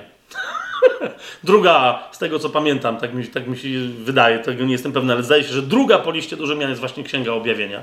Gdzie wiecie, przychodzi Dzień Pański, Dzień Gniewu Bożego i tak dalej, a list do Rzymian więcej o gniewie Bożym mówi ale właśnie we właściwym kontekście, we właściwym kontekście, e, że, że, że, że Bóg mając gniew, nie obraca go przeciwko człowiekowi, ale w ramach tego gniewu obraca się przeciwko temu, co chciało zniszczyć człowieka.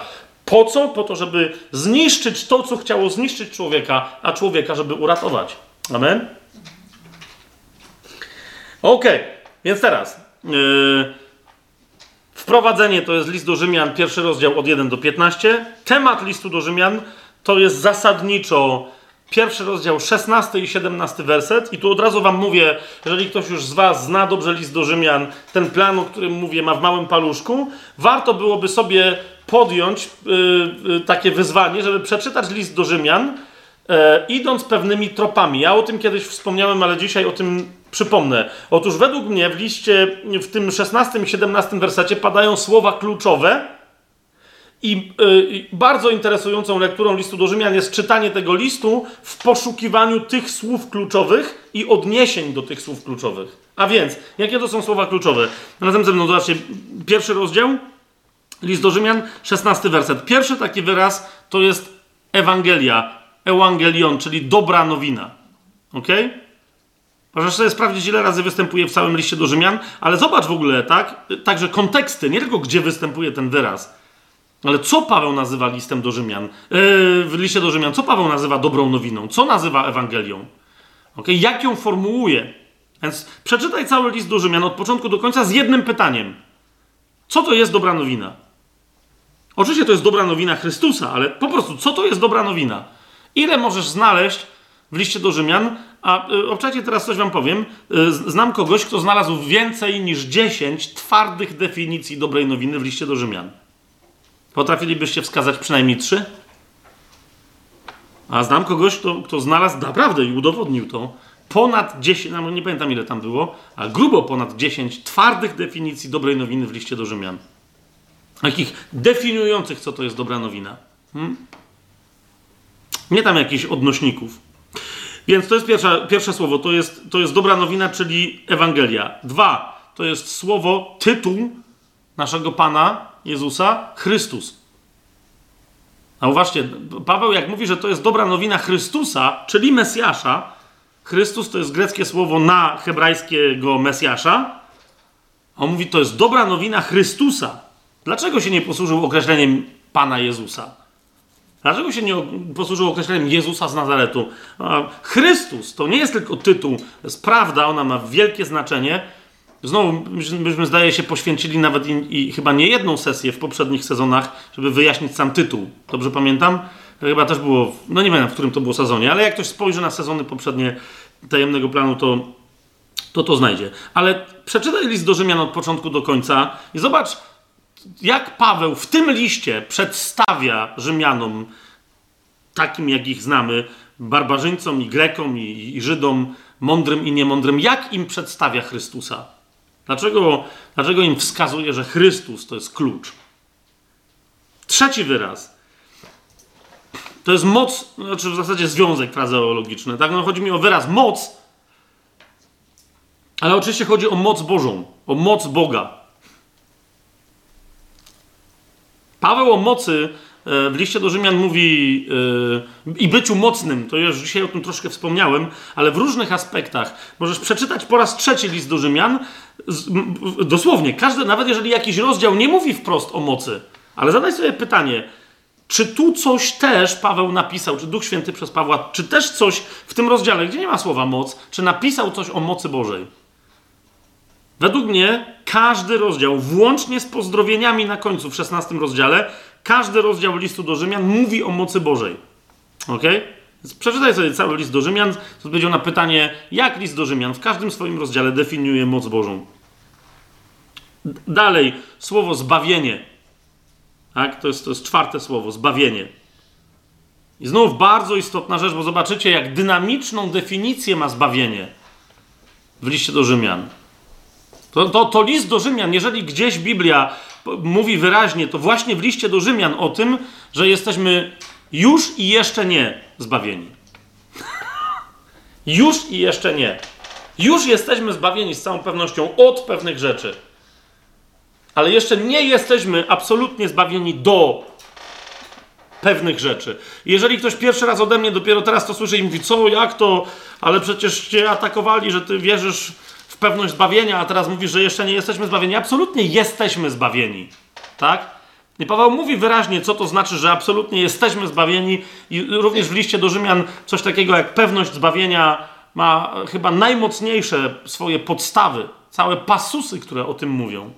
Niemniej, z drugiej strony mamy też taki fragment, yy, który powiada, to jest 13 rozdział listu do Rzymian, 11 werset, w którym Paweł rzuca, no dla niektórych tajemnicze, to nie jest tajemnicze, jak się dobrze wczytać w list do Rzymian, no to wtedy każdy wie o co chodzi, tak? Ale właśnie, jak ktoś nie wie, to wtedy taki werset go może zaskoczyć. To jest 13 rozdział listu do Rzymian, 11 werset. Paweł mówi, czyńcie to znając czas, że już nadeszła pora, abyśmy się obudzili ze snu, teraz bowiem bliżej nas jest zbawienie, niż kiedy uwierzyliśmy.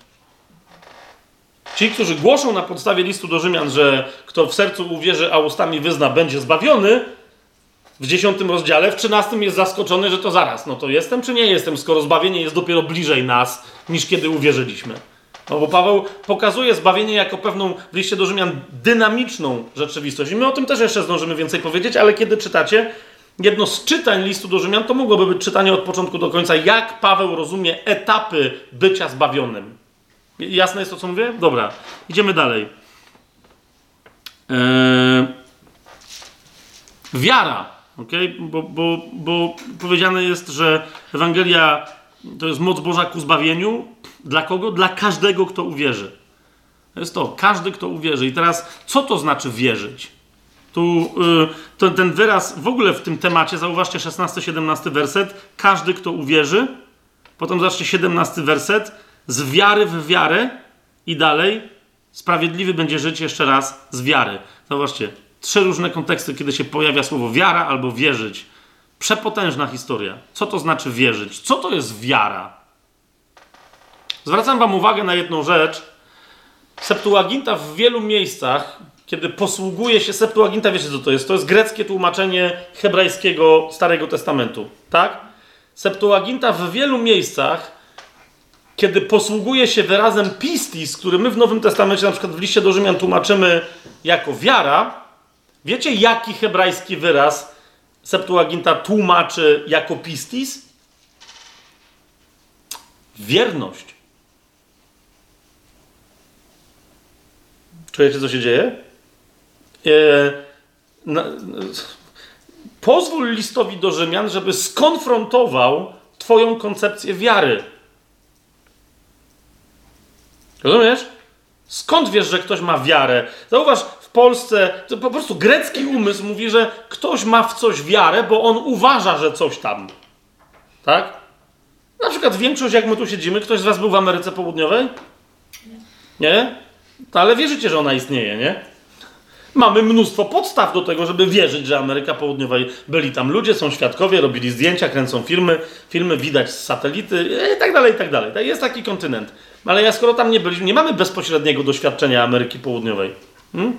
Ale mamy podstawy, żeby wierzyć. Pistis e, to jest wyraz grecki, który mówi o tego rodzaju wierze. Wierze, która ma podstawy racjonalne, która nie jest bezpośrednim, osobistym doświadczeniem namacalnym, rozumiecie o czym mówię, ale nie jest czymś absolutnie irracjonalnym. To nie jest wierzenie komu. Rozumiecie, przyjęcie czegoś na wiarę. Ktoś ci powiedział, no dobra, no nie wiem, ale ci wierzę. Nie, nie. Pistis to jest wiara, która ma racjonalne podstawy.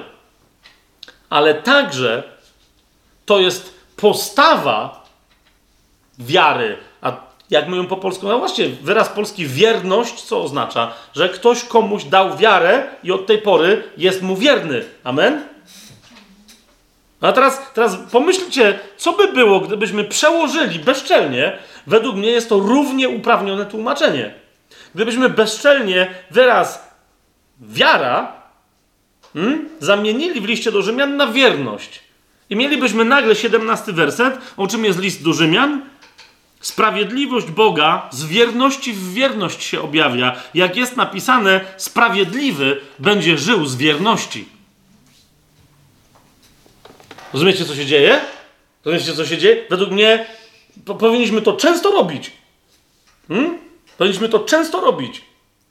Nie, uwierzył i od tej pory wszystko gra. Tylko hej, na czym polega Twoja wiara teraz? Ok? Dałeś mu wiarę, no to, to, to jesteś wierny? No teraz z, z, zauważ, żona uwierzyła mężowi, mąż uwierzył żonie, że będą sobie wierzyć, więc są sobie wierni. Rozumiecie o co mi chodzi? Jak ktoś kogoś zdradza i tak dalej, i tak dalej, i tak dalej. E, jeszcze raz, temat wiary, przyjrzyjcie się dobrze, bo nawet z kontekstów w liście, do, nawet jak nie wiesz o tym, co teraz powiedziałem, że można w ten sposób wyraz pistis tłumaczyć, nawet jak tego nie wiesz, jak czytasz list do Rzymian otwartym umysłem, otwartymi oczami wiary, to wtedy widzisz, że o, a, a, aha, aha, to tak to, to tak to się, aha, to nie jest tylko jednorazowy akt przyjęcia czegoś, że jest prawdą. Dalej. Następny wyraz. To jest sprawiedliwość Boga. I, i ostatni.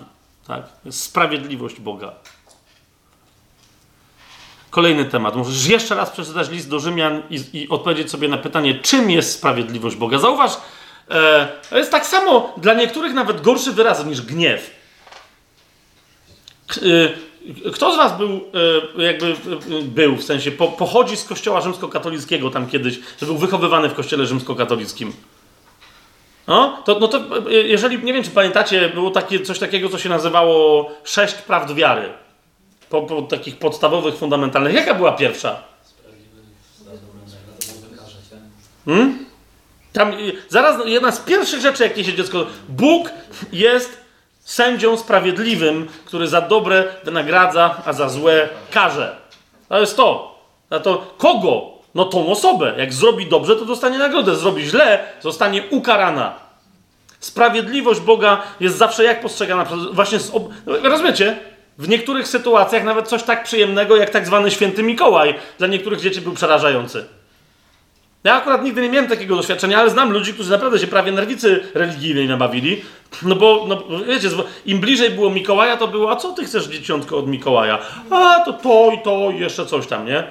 Jak ja, ale wiesz, bo jak jesteś niegrzeczna, to przyjdzie Mikołaj i może mieć, wiesz, figę z makiem zamiast twojego prezentu. Co więcej, może przyjść z rózgą. Niektórzy z Was znają te tradycje, w ramach których Mikołaj przechodzi y, z diobłem i z aniołem. I się dzieci są przepytywane. Widzę, że niektórzy zaszkiwają, były, niektórzy mają te przerażające historie, widzę w doświadczeniu swoim. Właśnie to jest to. A teraz, rozumiecie, kiedy Duch Święty przychodzi, pamiętacie Ewangelię Jana? Kiedy przyjdzie Duch Święty, On was przekona o grzechu, o sprawiedliwości i o sądzie. O grzechu Pan Jezus mówi, bo nie wierzą we mnie. O sprawiedliwości no dobra, widzę, że nie. A właśnie to jest to! Czekaj, czekaj, czekaj. Ta sprawiedliwość, no Panie bo ja idę do Ojca.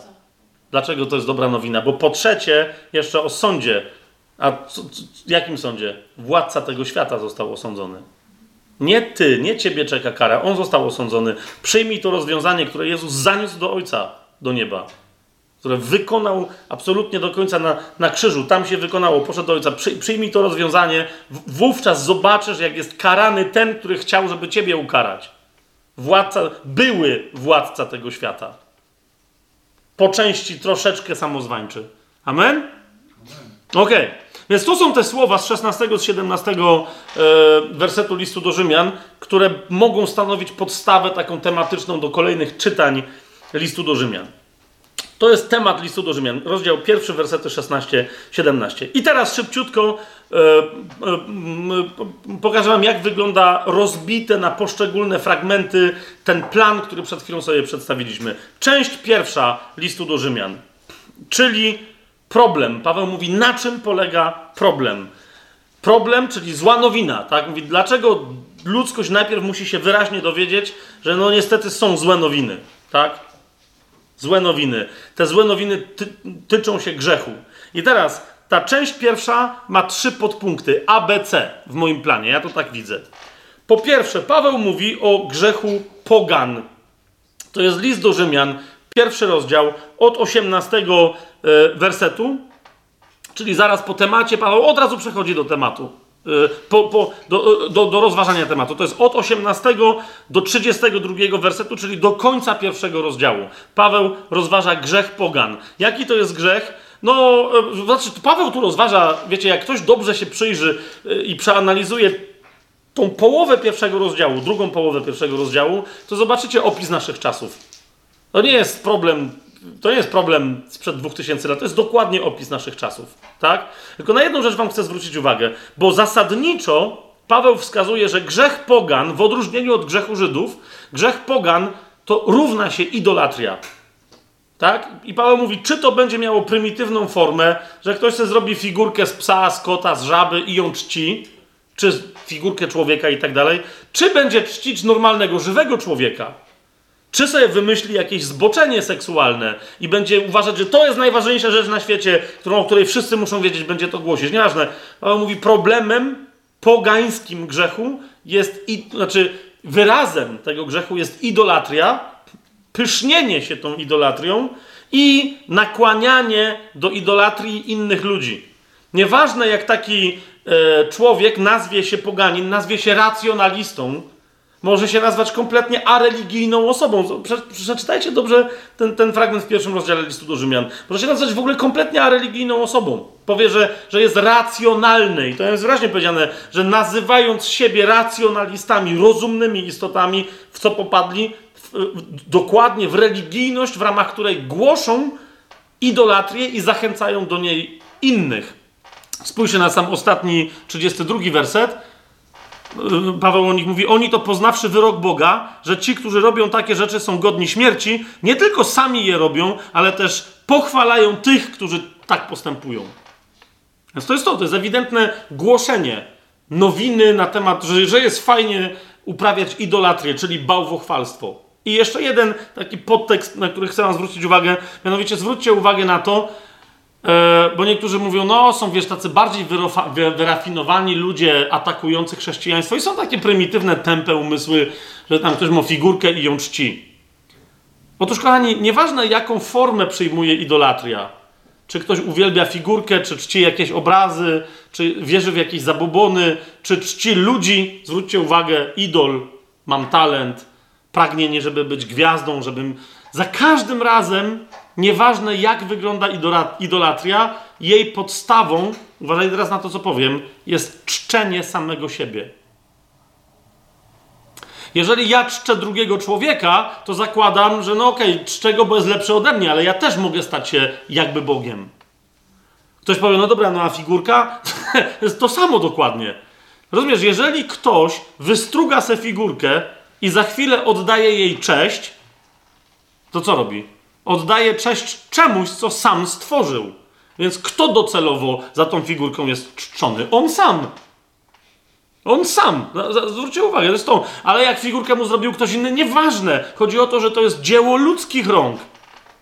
I, i, I, ty doskonale wiesz, że jak masz figurkę albo obrazek święty, no i tak wiesz, że to przecież nie cudownie z nieba spadło, wbrew niektórym legendom, ale że to ktoś to namalował, wyrzeźbił, to jakiś inny człowiek zrobił. Może i genialnie, ale czcząc to coś, czcisz tylko i wyłącznie tego człowieka, który za tym stoi. Jest to jasne? Więc Paweł mówi, yy, to jest to. Ta cała pierwsza część ma trzy podpunkty A, B, C. Pierwszy z nich to jest grzech pogan, czyli idolatria w różnych jej formach i skutkach bo Paweł też przedstawia tutaj skutki. Między innymi bardzo interesująca rzecz mówi, że z takiego nastawienia umysłu rodzą się na przykład zboczenia, yy, perwersje seksualne. On wyraźnie o tym mówi, tak? Że to z tego nastawienia umysłów te perwersje wynikają, a nie, że to są jakieś naturalne e, tam w większości historie. Tak? Więc po pierwsze, grzech pogan to jest Rzymian 1, 18 do 32. I potem Paweł bardzo szybko cały drugi rozdział poświęca Żydom, a więc y, podpunkt B to jest grzech Żydów. Bo Paweł mówi: Dobra, jak już pojechałem y, poganom, y, to teraz wam pojadę, przyjaciele, którzy się z nich śmiejecie. Tak? Wy, się, wy się śmiejecie z, pogan, a tymczasem sami jesteście tak samo winni. Kluczowe wersety, które o tym mówią, to jest, zobaczcie, drugi rozdział, 17 werset. I dalej Paweł mówi: Oto ty się nazywasz Żydem, polegasz na prawie, chlubisz się Bogiem, znasz Jego wolę, rozpoznajesz to, co lepsze, będąc pouczony przez prawo i uważasz się za przewodnika ślepych, za światłość tych, którzy są w ciemności, wychowawcę bezrozumnych, nauczyciela niemowląt, mając w prawie kształt wiedzy i prawdy. No już Paweł już w tym pseudo-pochwaleniu takiego religijnego Żyda już mu ciupie, mówiąc yy, po naszemu, tak? Bo za chwilę mówi, aha, no to taki z ciebie gość, wiesz? I teraz zaczyna od 21. Ty więc, który uczysz drugiego, samego siebie nie uczysz? Ty, który głosisz, że nie wolno kraść, kradniesz? Ty, który mówisz, że nie wolno cudzołożyć, cudzołożysz? I, ta, I tak dalej, i tak dalej. Ty, który się brzydzisz bożkami, dopuszczasz się świętokradztwa? Więc on mówi, nawet tak wyrafinowana religia, oparta na Słowie Bożym, ale w ramach którego to Słowa Bożego ludzie woleli wybrać swoją interpretację niż, niż słuchać Boga, mówi, Żydzi mają grzech tak samo jak poganie, a może nawet gorzej. Dlaczego? 24 werset drugiego rozdziału. Ponieważ z waszego powodu, jak jest napisane, poganie bluźnią imieniu Boga zamiast być nauczycielami, to swoją postawą, swoją hipokryzją, i to się też, rozumiecie, dzisiaj nas tyczy, rozumiecie o co mi chodzi? Chrześcijan. Hipokryta, chrześcijanin hipokryta e, jest najczęściej powodem tego, że poganie bluźnią w imieniu Boga. Więc to jest podpunkt B. Grzech Żydów to jest y, zasadniczo list do Rzymian, drugi rozdział. I potem mamy podpunkt C, w ramach którego Paweł dowodzi, mówi, a zatem nieważne, Czym się chcesz chlubić? Swoim racjonalizmem pseudogreckim, swoim pseudo-żydowskim yy, yy, prawem? Nie ma żadnego znaczenia. Żyd, Grek, barbarzyńca, ktokolwiek. Grzech jest powszechny, grzech tyczy się wszystkich i wszystkich tak samo zabije. To jest list do Rzymian, trzeci rozdział od pierwszego do dwudziestego wersetu. Paweł wyraźnie w ten sposób naucza. Zwróćcie, y, y, werset kluczowy dla mnie to jest po pierwsze rozdział trzeci listu do Rzymian, dziewiąty werset. Paweł mówi, cóż więc, czy przewyższamy ich? W sensie my, Żydzi, pogan? Mówi, żadną miarą, ponieważ już dowiedliśmy, że zarówno Żydzi, jak i Grecy wszyscy są pod grzechem. Widzicie to? I dalej Paweł kontynuuje, jakby ktoś chciał literalnie potraktować, a, czyli Żydzi i Grecy mają problem, a reszta nie ma. Paweł potem jeszcze do, doprecyzowuje w dziesiątym wersecie, jak jest napisane, nie ma sprawiedliwego ani jednego, nie ma rozumnego i nie ma nikogo, kto by szukał Boga. Wszyscy zboczyli z drogi, razem stali się nieużyteczni, nie ma nikogo, kto by czynił dobro, nie ma ani jednego. Więc, więc wyraźnie od pierwszego do dwudziestego wersetu mówi, że to jest problem powszechny i jednocześnie zaznacza e, beznadziejność tego problemu. Mówi, że kto zgrzeszył raz, stracił swoją sprawiedliwość, stracił swoją świętość i po ludzku nie ma możliwości, e, nie ma możliwości jej odzyskać. Jasne to jest? To, czyli od pierwszego rozdziału, od wersetu 18 do trzeciego rozdziału, do 20 wersetu, to jest ta pierwsza część, którą nazwałem problemem, czy też zarysowaniem, e, na czym polega przez Pawła tematu złej nowiny, którą jest grzech dla każdego człowieka. Teraz część druga, Ewangelia łaski. Ona e, zasadniczo trwa, jest głoszona przez Pawła wobec tego od trzeciego rozdziału, 21 wersetu do piątego e, rozdziału 21 wersetu. Tak? Są takie trzy e, okrągłe mm, e, rozdziały. Od trzeciego rozdziału 21 wersetu no to jest pół rozdziału trzeciego, czwarty i cały piąty do 21 wersetu. I ta Ewangelia łaski znowu ma trzy podpunkty A, B, C. Podpunkt A to jest podstawowe ogłoszenie Ewangelii łaski. To jest trzeci rozdział od wersetu 21 do wersetu 31. Od wersetu 21 do wersetu 31. I jeżeli gdzieś w Biblii macie w jednym miejscu naprawdę skondensowaną całą dobrą nowinę, to, to jest zwłaszcza trzeci rozdział, wersety 23-25. To jest do, dokładnie, Paweł podsumowuje problem i teraz mówi, na czym polega dobra nowina. Zobaczcie, mówi tak, to jest wersety, trzeci rozdział, wersety 23-25. Mówi tak, wszyscy bowiem zgrzeszyli i są pozbawieni chwały Bożej. Widzicie to? Jak Chrystus nas przyjął do chwały Bożej, tak my mamy potem ludzi przyjmować, tak? Więc on mówi, wszyscy najpierw to jest to, są pozbawieni chwały Bożej. A zostają, 24 werset, a zostają usprawiedliwieni za darmo z Jego łaski przez odkupienie, które jest w Jezusie Chrystusie. 25 werset, Jego to Bóg ustanowił przebłaganiem przez wiarę w Jego krew. Ok? Mamy wszystko. Wszyscy mają problem. Problem polega na tym, że są grzeszni. Grzech ich wyrwał, spowodował, że utracili chwałę Bożą. Jak się ją odzyskuje? Nie przez żadne uczynki religijne, filozoficzne, postawy, gnozę. Nie, tylko i wyłącznie przez wiarę w to, co Jezus zrobił na krzyżu, a co Ojciec potwierdził, wskrzeszając go z martwych. Przez wiarę w Jego krew. Zobaczcie 25 werset. Przez wiarę w Jego krew za nas wylaną. Za darmo, z łaski. Jak, jak ja otrzymuję łaskę, to znaczy, że to nie jest coś, na co sobie zasłużyłem. Tak? I jeszcze raz, e, trzeci rozdział, e, 30 mm, werset podkreśla, że to jest naprawdę, to, to, że to, to jest problem, który, który jest rozwiązany także dla Żydów.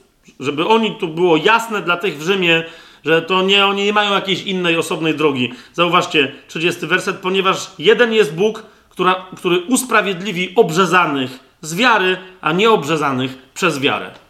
Dziękuję. Więc nie wprowadzajcie między sobą różnicy. Droga jest jedna, tą drogą jest Jezus Chrystus. Tyle. Żadne uczynki waszego prawa. To jest podstawowe ogłoszenie Ewangelii Łaski, trzeci rozdział 21 do 31. Ale teraz pojawia się problem, znaczy, my go nie mamy, bo my nie jesteśmy Żydami, ale ci, którzy byli w Rzymie, natychmiast wyskoczyliby, że okej, okay, rozumiemy o co ci chodzi, że nie z uczynków prawa, ale zanim był Mojżesz,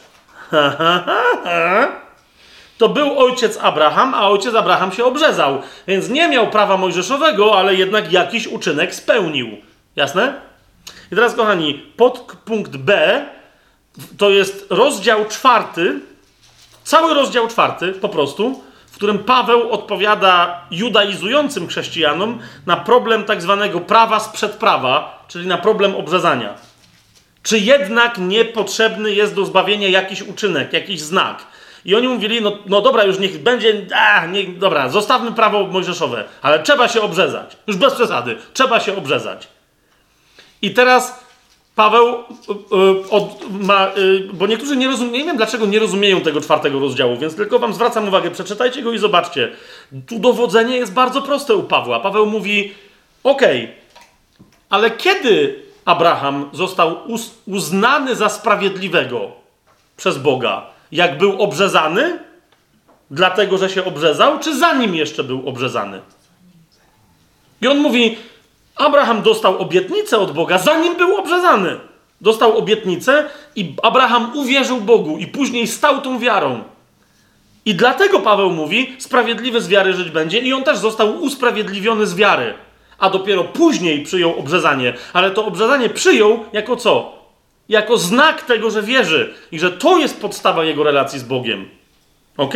Kluczem, zobaczcie, kluczem do tego rozdziału jest werset 10, czwarty rozdział, dziesiąty werset. W dziewiątym wersecie Paweł mówi: e, Abrahamowi została poczytana wiara za sprawiedliwość. Widzicie to? I w dziesiątym wersecie, który jest kluczowy dla całego rozdziału, Paweł mówi: Jakże więc została mu poczytana? Gdy był obrzezany, czy przed obrzezaniem? I odpowiada nie po obrzezaniu, ale przed obrzezaniem. Słowem, obrzezanie nie ma nic do rzeczy. Ani prawo mojżeszowe, ani obrzezanie nie mają nic do rzeczy. My jesteśmy dziećmi obietnicy przez Jezusa, dziećmi obietnicy Abrahama, a Abraham jest sprawiedliwy tak jak my jesteśmy sprawiedliwi, sprawiedliwi przez wiarę, bez żadnego obrzezania. Został usprawiedliwiony, kiedy był nieobrzezanym poganinem. A potem się obrzezał jako już wierzący. Ale my tego nie musimy robić. Dlaczego? Bo my mamy chrzest. No ale o tym list do Rzymian mówi później, tak? jako znak wiary, jako znak. Niemniej zauważcie, bo to jest bardzo istotne. Ten czwarty rozdział, niektórzy mówią, dobra, co nas to obchodzi, po co Duch Święty zostawił czwarty rozdział w tym liście do Rzymian? My nie mamy problemu z Abrahamem, z obrzezaniem.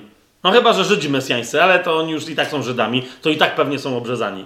Otóż widzicie, ta zasada mówi również, ona się również odnosi do szóstego rozdziału, do chrztu wodnego.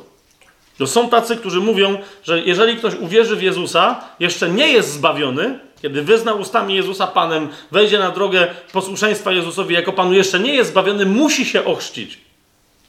Znaczy, według mnie nie, nie, widzę, żeby ktoś miał być posłuszny Jezusowi i się nie ochrzcił, ale chodzi mi o to, że chrzest nie jest warunkiem zbawienia. Czy to jest jasne? Ok?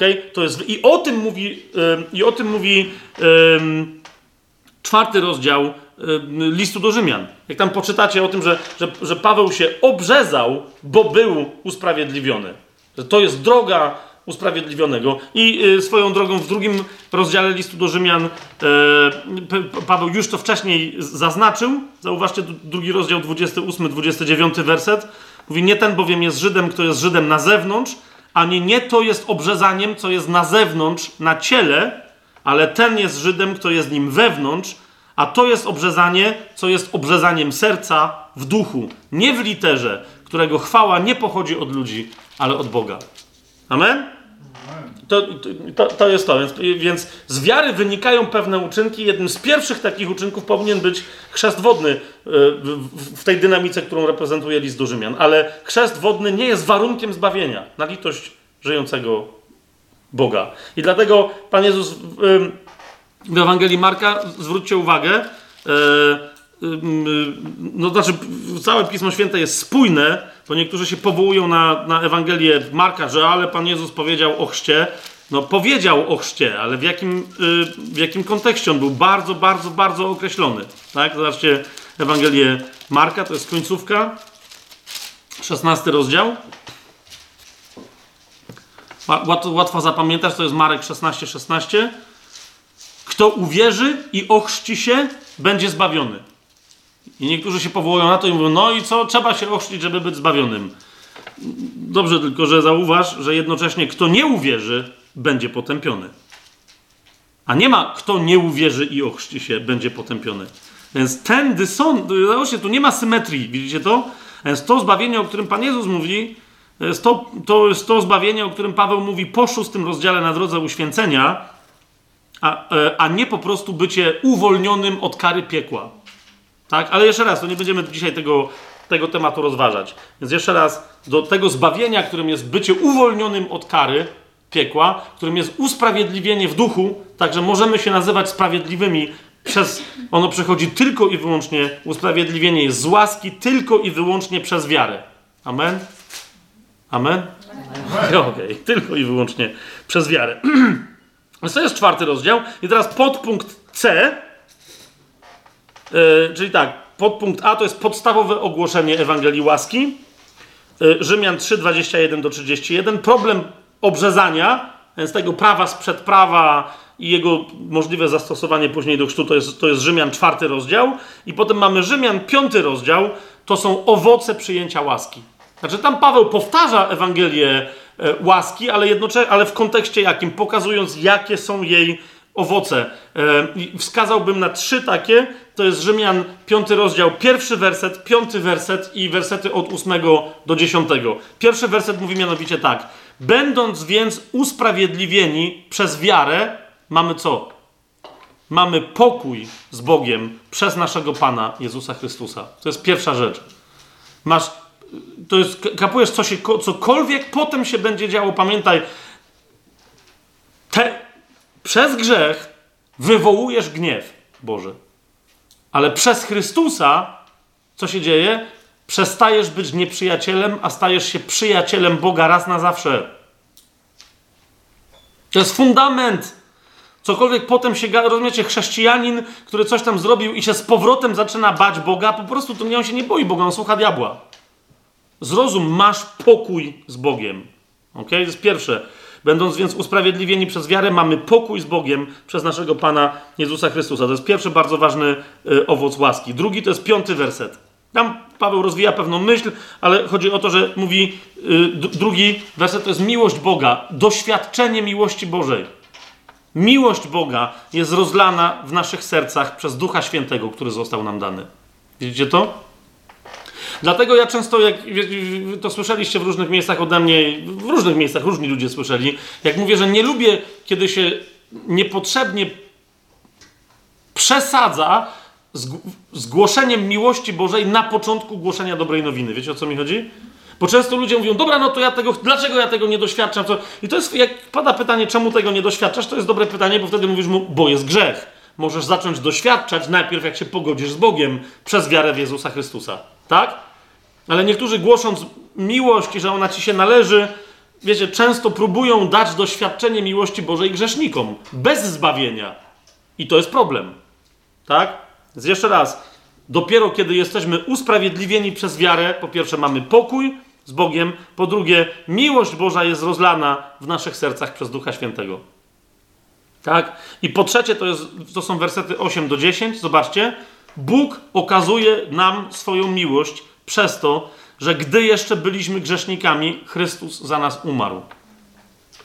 Tym bardziej więc teraz, będąc już usprawiedliwieni Jego krwią, będziemy przez Niego ocaleni od gniewu. Rozumiesz, to jest teraz jedyny cel, jaki Pan ma. Upewnić się, że jesteś osobą ocaloną od gniewu. I dziesiąty werset. Jeżeli bowiem, będąc nieprzyjaciółmi, zostaliśmy pojednani z Bogiem przez śmierć Jego Syna, tym bardziej teraz, będąc już pojednani, będziemy ocaleni przez Jego życie. Zrozum, co się dzieje, że niektórzy chrześcijanie, będąc już nawróceni, zbawieni, doświadczywszy usprawiedliwienia, dalej boją się Boga, jakby nie byli zbawieni. Wiecie o co mi chodzi? Paweł mówi: zacznij doświadczać nowego poziomu relacji z Bogiem.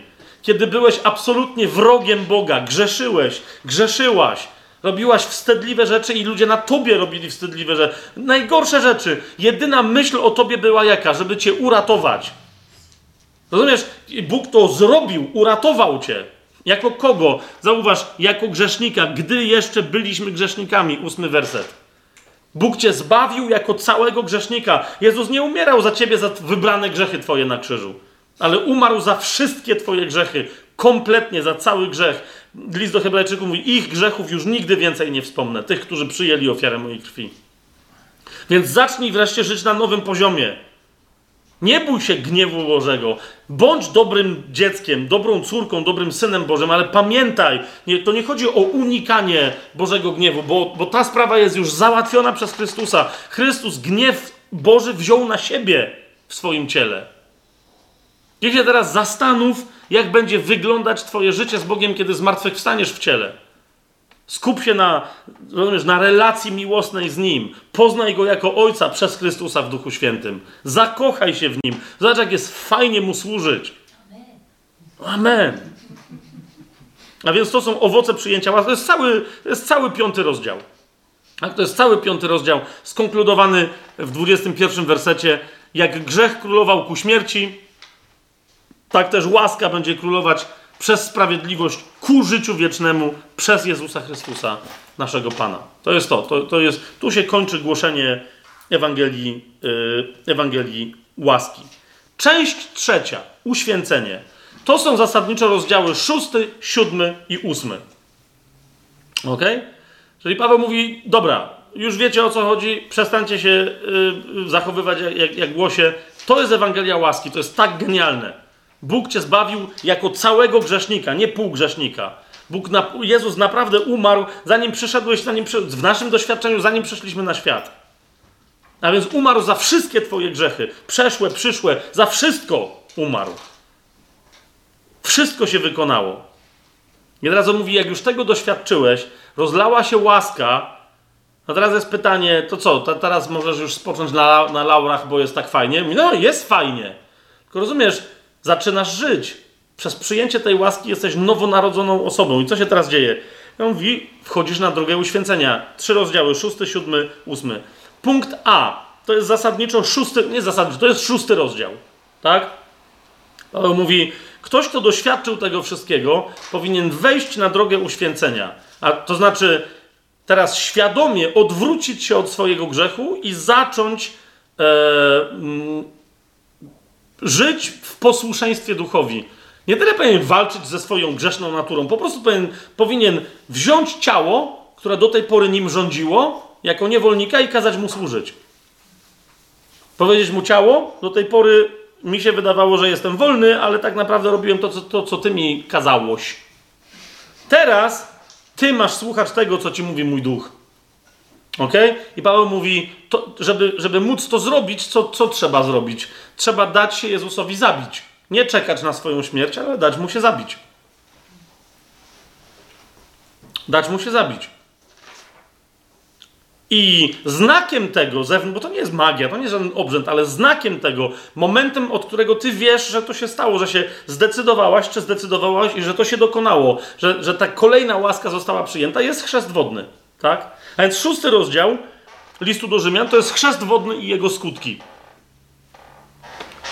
To jest odpowiedź Pawła na pytanie, tu gdzie niektórzy chrześcijanie kończą, mówią łaska, łaska i tylko łaska, super łaska, a Paweł mówi nie, nie, nie. Dalej, szósty rozdział, dla mnie kluczowe są wersety 1 i 2. On mówi tak, cóż więc powiemy po tym całym głoszeniu łaski do tej pory? Paweł mówi, cóż więc powiemy, czy mamy trwać w grzechu, żeby łaska obfitowała? Nie daj Boże. My, którzy umarliśmy dla grzechu, jakże możemy jeszcze w nim żyć? Tak? I potem jego, jego dowodzenie jest takie, że my mamy umrzeć dla grzechu. To dlatego mamy władzę nad grzechem. Nie dlatego, że my coś możemy, tylko po prostu, ponieważ umarliśmy i teraz Paweł mówi, no a kto, kiedy to był moment, że ci się udało umrzeć, skoro jeszcze żyjesz? Paweł mówi, to jest chrzest. Trzeci werset. Czy nie wiecie, że my wszyscy, którzy zostaliśmy ochrzczeni, czyli zanurzeni w Jezusie Chrystusie, w Jego śmierci, zostaliśmy ochrzczeni? No jest to, nie wiecie, to jest, to jest no, a skoro zostaliśmy zanurzeni tak skutecznie, że umarliśmy razem z Nim, to jak możemy jeszcze grzeszyć? Zauważcie siódmy werset. Mówi, kto umarł, został uwolniony od grzechu. Dlaczego? No bo jak nie żyje, to jak ma grzeszyć? I dlatego Paweł mówi, to ta łaska, która przychodzi nie, nie tylko z wyznaniem zmartwychwstania Jezusa, ale w przyjęciem do siebie łaski Jego śmierci, ona w tobie działa, tylko wy, pozwól jej działać. Po prostu potraktuj swoje ciało jak martwe. Potraktuj swoje ciało jak martwe. To jest całe, no nie będziemy teraz tego rozwijać, bo, bo do tego jeszcze wrócimy. To jest szósty rozdział. Dalej, siódmy rozdział. Paweł wyjaśnia, mówi, no, y, powiedziałem wam, że jest łaska, wchodzimy na drogę uświęcenia, szósty rozdział. I jednocześnie mówi, tam już potrzeba waszej woli. Tak, to jest w szóstym rozdziale jeszcze mówi, tam potrzeba y, waszej woli. Przestańcie Musisz ty chcieć przestać grzeszyć, wtedy łaska ci pomoże. Musisz ty chcieć poddać swoje członki na, na służbę jako oręże sprawiedliwości, wtedy łaska ci pomoże. A nie narzekaj, że łaska nie działa, jak ty nie chcesz działać. Tak? I teraz, żeby podkreślić, jak, że jest ta walka, że ta walka cały czas się toczy, w siódmym rozdziale Paweł dokładnie mówi, i to jest podpunkt B, że jest taki, takie zagadnienie w życiu chrześcijanina, chrześcijanina, które się nazywa walka z cielesnością. Czyli ty jesteś duchową osobą, ale wciąż jeszcze żyjesz w ciele, które, które musi strzeznąć. Masz wykonać pewne swoje duchowe zadania, swoją duchową misję, wypełnić swoje duchowe powołanie, ale cały czas żyjąc w ciele, które jest skazane na śmierć i które zawsze będzie służyć grzechowi. Teraz będzie, będzie chciało służyć grzechowi, o to chodzi. Teraz Paweł mówi: e, No, jest taka walka i nie udawajcie, że jej nie ma. I o tym jest siódmy rozdział. E, kluczowe dla mnie wersety siódmego rozdziału to jest piąty i szósty, które wyjaśniają to zagadnienie. Mianowicie tam Paweł, Paweł mówi, gdy byliśmy w ciele, namiętności grzechów, które się wzniecały przez prawo, okazywały swoją moc w naszych członkach, aby przynosić śmierci owoc. Lecz teraz, szósty werset, zostaliśmy uwolnieni od prawa, gdy umarliśmy dla tego, w czym byliśmy trzymani, abyśmy służyli Bogu w nowości ducha, a nie w starości litery. Tak? Jak ktoś nie rozumie tego, co tu jest napisane, to okej, okay, ale, ale ci, którzy znają list do Rzymian, wiedzą o co chodzi w Słowie Bożym. Widzicie, to jest kwintesencja. Tak? Bo niektórzy tam potem rozważają, co Paweł ma na myśli, kiedy mówi, a jeśli robię to, czego nie chcę, zgadzam się na coś, ale robię, to, bo tam dalej jest takie rozważanie u Pawła. Paweł tylko mówi, że tak, to jest normalne doświadczenie, że ciało próbuje się szarpać. Nie chce się zgodzić na to, że zostało uznane za martwe, tak? No tylko przypomina, mówi, ale ty masz moc do tego, żeby takie rzucające się ciało, jak dzikiego konika czy tam osiołka, po prostu ujeździć. I tyle. Ono cię ma słuchać. Tylko nie udawaj, że nie ma takiego problemu. I tu jest podpunkt C. Paweł mówi, my nie służymy, tak jak tu zacytowałem, my nie, nie, nie mamy służyć Bogu w nowości ducha, a nie w starości litery. I teraz yy, on mówi, w związku z tym uświadom sobie, na czym polega prawo ducha. Nie jest tak, że my jesteśmy kompletnie poza prawem. To, że my nie podlegamy prawu mojżeszowemu, to nie znaczy, że my nie mamy wydać owoców prawa, tylko że te owoce przychodzą przez prawo ducha. Ok? I o tym mówi ósmy rozdział. Yy, o tym mówi ósmy rozdział listu do Rzymian. Mam też wrażenie, że przez wielu mocno nie, niezrozumiany. Bo niektórzy się podniecają na przykład wstępem do tego rozdziału, który mówi: Dlatego teraz żadnego potępienia nie ma dla tych, którzy są w Jezusie Chrystusie. I, I widzicie, i cytują ten werset tak, jak ja go teraz przeczytałem. Gdy tymczasem ten werset brzmi, to jest ósmy rozdział listu do Rzymian, pierwszy werset cały, dlatego teraz żadnego potępienia nie ma dla tych, którzy są w Jezusie Chrystusie, którzy nie postępują według ciała, ale według ducha. To jest to. Nie chodzi mi o to, czy jest konsekwencja potępienia, ale nawet chodzi mi, wiecie, o doświadczanie samopotępienia, obawy. Wiecie o co mi idzie? Jeżeli umartwiasz ciało, a więc rezygnujesz z jego woli. Bo nie chodzi mi tu o stricte posty i tak dalej, o wszystko, cokolwiek jest sprzeciwieniem się tendencjom ciała. A idziesz za duchem, wtedy to pozwala duchowi w tobie działać i nie możesz nawet doświadczać cienia, iluzji potępienia. O to chodzi. Bo, bo wiesz, jaka jest twoja destynacja ostateczna, ku czemu y, zmierzasz. I o tym dalej ten list mówi. Zobaczcie, bo to są według mnie kluczowe wersety. To jest ósmy rozdział, yy, wersety 8, 9, potem 12, 13 i potem 37. Yy, ale po, po, po kolei. 8, 9. Otóż ten list mówi: Ci więc, którzy są w ciele, nie mogą podobać się Bogu. Jeżeli jesteś zbawioną osobą, ale dalej żyjesz cieleśnie, zrozum, Bóg cię kocha. Bóg ma dla ciebie dobry plan, ale zrozum, nie podobasz mu się. Nie wiem, dlaczego ludzie tego nie potrafią pojąć, że, że ale jak to, jak Bóg mnie kocha? Kto, kto, kto z was ma dzieci? Nie, o niektórych wiem, ale ręka, okej, okay, niektórzy mają dzieci. Ok? I teraz, i teraz rozumiesz, jeżeli twoje dziecko, Ala, o ty, ty jesteś dobra teraz, bo ty będziesz miała dobrą reakcję. Jeżeli twoje dziecko, poza tym to jest bezpiecznie, znam to bezpieczne pytanie, kochasz swoje dzieci. Bardzo. Bardzo. Czasem je lubisz, czasem jak każdy, no żartuję. Ale teraz chodzi mi o to, usłyszałaś, że któreś z twoich dzieci zaczyna ćpać. Straszne rzeczy. I te, sa, samo się pcha. Chodzi mi o to, że samo, nie to, że ktoś go wciągnął, tylko samo się pcha. Zachowuje się w sposób przygłupiasty. Dalej kochasz to dziecko? Przeżyłam to. Kocham. Wiem, kochasz to dziecko, ale podoba ci się to, co dziecko, to, to co to dziecko sobie robi? Absolutnie nie. Tak? I dlatego o to mi chodzi. Chciałem, rozumiecie, no szkoda, że tego nie możemy, nie, dobrze, że tego nie nagrywamy. Ale zobaczcie teraz na, zobaczcie na Ale. Ona to przeżyła. I o to mi chodzi. Jak ktoś może nie zrozumieć, że Bóg może go kochać, rozumiesz, ma dziecko, które uratował, oddał Chrystusa, żeby wykupić to dziecko, a to dziecko dalej żyje jak idiota. On kocha to dziecko, udowodnił, jak jeszcze ma udowodnić, ale jeżeli dziecko postępuje w sposób cielesny, to to się Bogu nie podoba. To nie chodzi o ludzi niezbawionych, tu chodzi o jak najbardziej zbawionych. Rozumiecie o co mi idzie? Jeszcze raz zobaczcie, ósmy, rozdział ósmy i dziewiąty werset. Ci więc, którzy są w ciele, nie mogą podobać się Bogu. Po prostu. I dalej. Ale wy nie jesteście w ciele, ale w duchu, gdyż duch Boży mieszka w was. Niektórzy mówią, no, czyli to nie, my już jesteśmy. No, no nie, zobacz, co jest dalej. Dwunasty, trzynasty werset. Tak więc, bracia, Jesteśmy dłużnikami, ale nie ciała, abyśmy mieli żyć według ciała. Jeżeli bowiem żyjecie według ciała, umrzecie. Fizycznie, przedwcześnie umrzecie, nie wypełnicie swojej misji.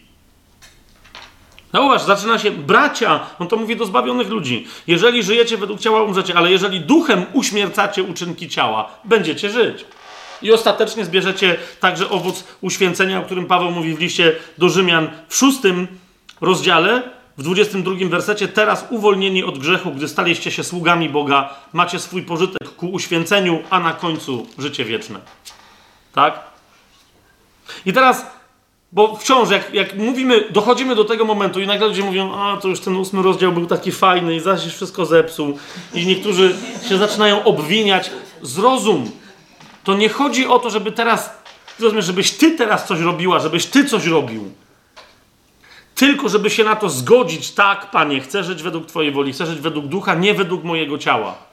Rozumiesz? I cały czas zwracać się do krzyża, do, do, do chrztu, w którym zostaliśmy zanurzeni w Jego śmierci, aby żyć według Jego zmartwychwstałego życia.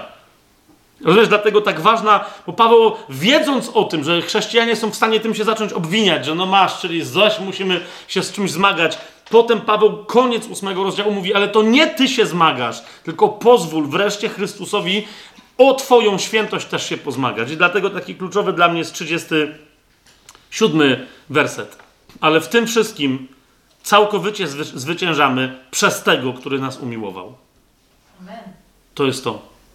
Z zrozum, to nie ma być Twój wysiłek. Twój wysiłek ma polegać tylko na tym, żeby pozwolić się Jezusowi wysilać w tobie. Żeby pozwolić się duchowi wysilać w tobie. Jest tylko tyle. Utrzymać swoje ciało, które się szarpie, powiedzieć niczym. Co robisz? I dać miejsce duchowi. Amen? Okej. Okay. Więc to, to jest to. Uświęcenie. E, A. Chrzest wodny, jego skutki, to jest szósty rozdział listu do Rzymian. B. Walka z cielesnością, to jest list do Rzymian, siódmy rozdział. I C. Prawo ducha, pełne, list do Rzymian, yy, ósmy rozdział. Swoją drogą tak, zgadzam się, w tym, w tym liście znajdują się dwa potężne fragmenty, dwa, nie jeden, potężne fragmenty, które mówią wyraźnie o tym, że, że kiedy ktoś przez łaskę doświadczył usprawiedliwienia, to coś nie może mu być odebrane. I w tym sensie może być pewny swojego usprawiedliwienia. Jak już ktoś, ktoś się dalej chce kłócić o pewność zbawienia, to przejdźmy na pozycję. Okej, okay, nie wiem, czy możemy być pewni zbawienia, ale możemy być pewni usprawiedliwienia. Kto jest raz usprawiedliwiony, może być tego pewny. Kto jest raz nowonarodzony, Bóg nie jest dzieciobójcą. Jak se urodził jakieś dziecko na nowo do życia wiecznego, to go nie zabije przecież. To jest, to, to jest bluźnierstwo przeciwko Bogu.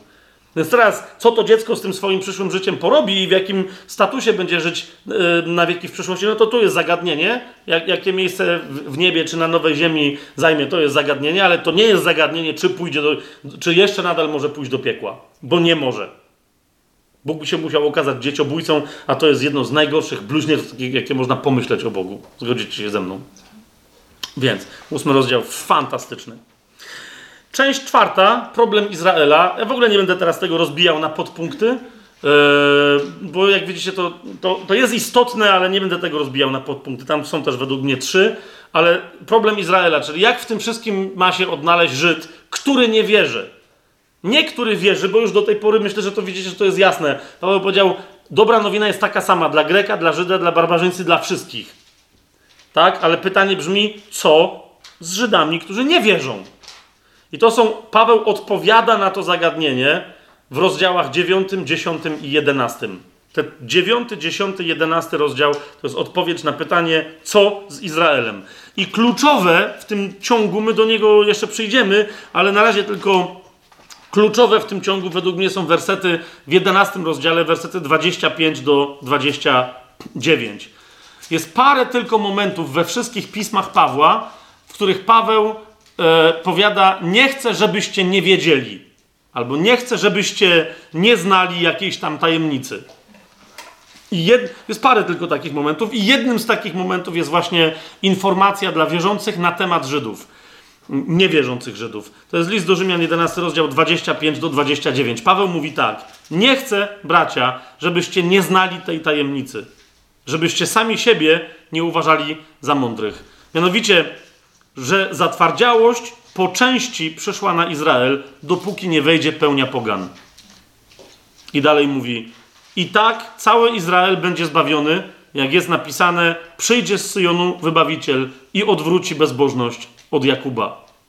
A to będzie moje przymierze z nimi, gdy zgładzę ich grzechy. I tu Paweł konkluduje, mówi, tak więc, co do Ewangelii, są nieprzyjaciółmi ze względu na was, lecz co do wybrania są umiłowani ze względu na ojców. Nieodwołalne są bowiem dary i powołanie Boże. To jest nadal tajemnica, bo niektórzy myślą, a to wszystko wyjaśnia. Nie, to jeszcze nie jest Paweł tylko mówi: Nie chcę, żebyście nie znali tej tajemnicy. Złapcie, na czym polega ta tajemnica. Po to wam 9, 10, 11 rozdział napisałem. Hmm? Jak ktoś nie zna tych rozdziałów, to może nie do końca zrozumieć, co tu jest napisane, bo niektórzy mówią bardzo szybko: A, to nie ma co głosić Żydom, oni i tak będą zbawieni na końcu. Nie, to tutaj Paweł tego nie napisał. Tak? On tylko, na, no właśnie, on tu zdradził pewną tajemnicę, my o tym będziemy mówić, ale to nie dzisiaj. Więc to jest część czwarta, problem Izraela rozdziały 9, 10 i 11, według, które zmierzają do tej konkluzji, którą teraz przeczytałem. I teraz część piąta, mianowicie praktyka uświęcenia. To y, są rozdziały od początku 12 rozdziału do 14 wersetu 15 rozdziału, czyli Rzymian 12:1 do 15:14. Ok? Jest 12, 13, 14 rozdział i finał w pierwszej połowie 15. Znowu mamy trzy podpunkty, tak? Ta czwarta część, jak pamiętacie, nazwałem ją praktyką uświęcenia. Wcześniej Paweł wyjaśnił, co to jest uświęcenie, że my mamy wejść na tą drogę, że uświęcenie to jest walka ducha z ciałem na zasadzie służby mm, Bogu według prawa ducha, a nie starej litery. Jasne to jest? Ale teraz Paweł mówi, co to praktycznie oznacza. Co to praktycznie oznacza? Jak ta litera, jak to prawo ducha ma się wyrażać w naszym życiu? I teraz Paweł robi trzy grupy A, B, C. A więc mówi, jak wygląda praktyka uświęcenia, a więc jakie są zasady postępowania indywidualnego, czyli jak ja mam się prowadzić, tak? W ogóle, jak, jak, jakimi zasadami mam się osobiście kierować. B, jak, jak wyglądają w duchu zasady postępowania społecznego. I C, jak wyglądają zasady postępowania z braćmi i siostrami w kościele. Ok? Czyli zasady postępowania indywidualne, zasady postępowania społecznego i zasady postępowania w kościele. Teraz te zasady, tak to nazwałem, nie wiem, czy to jest do... ok. Te, te indywidualne zasady dotyczące się każdego wierzącego i każdej wierzącej, które ma każdy osobiście stosować, to jest list do Rzymian, 12 rozdział. Cały 12 rozdział. Tak? E, kluczem do tego 12 rozdziału jest drugi werset. A więc Paweł mówi: wszystko, cokolwiek w swoim życiu robisz, pamiętaj, że ma być yy, rządzone następującą zasadą. To jest drugi werset. Nie dostosowujcie się do tego świata. Pierwsza rzecz. Żadnych związków z tym światem, ale przemieńcie się przez odnowienie waszego umysłu. To jest druga rzecz. Po co? Po trzecie, abyście mogli rozeznać, co jest dobrą, przyjemną i doskonałą wolą Boga, a że macie ją potem pełnić, to jest oczywiste. Tak? A więc oddzielenie się od tego świata, przemiana umysłu i rozeznanie dobrej, przyjemnej i doskonałej woli Bożej. Tak? Tam dalej są konkretne zasady, cały dwunasty rozdział jest, jest, wiecie, jest, jest genialny, jest wiele, och, całych krótkich sformułowań, które mają głębię, o której można by gadać godzinami, ale tymi wszystkimi rzeczami, które dalej są opisane, o tym, że każdy ma różną miarę wiary, ma różne dary i ma, nim, ma je odkryć i ma nimi posługiwać. Zasadą kluczową jest, pamiętaj, nie tak jak świat, przemień swój umysł, szukaj woli Bożej. Nawet jak odkryjesz jakiś dar, ludzie w kościele mogą mieć dary i, i posługiwać nimi na sposób światowy, a nie zgodnie z wolą Bożą. Ok? Jest fundamentalna zasada jest w 12 rozdziale, w drugim wersecie. Potem 13 rozdział, to jest punkt B. Tam mamy zasady postępowania społecznego, Włącznie z tym, wiecie, yy, z informacją, komu mamy płacić podatki, jakie, jaki ma być nasz stosunek do, do, do władzy państwowej, czy tam jakiejś tam świeckiej, tak? Kluczowe wersety według mnie to jest 13 rozdział, wersety 7 i 8. A mianowicie oddawajcie więc każdemu to, co mu się należy. Komu podatek, temu podatek. Komu cło, temu cło. Komu bojaźń, temu bojaźń. Komu szacunek, temu szacunek. Ewentualnie to jest komu cześć, temu cześć. Ale tu chodzi o szacunek. Nikomu nie bądźcie nic winni oprócz wzajemnej miłości. Kto bowiem miłuje bliźniego, wypełnił prawo. Chodzi oczywiście o prawo Chrystusowe, bo wszystkie pozostałe wypełnił Chrystus. Jasne to jest? To cały, cały ten trzynasty rozdział, on o tym mówi, jak mamy wobec y, świata rządów w tym świecie postępować. I dalej mamy 14 rozdział do 15 aż do 14 wersetu, czyli Rzymian 14, 1 do 15, 14 mamy zasady postępowania w kościele wobec braci i, i sióstr. Kluczowe wersety to jest dla mnie 14 rozdział, 9 werset.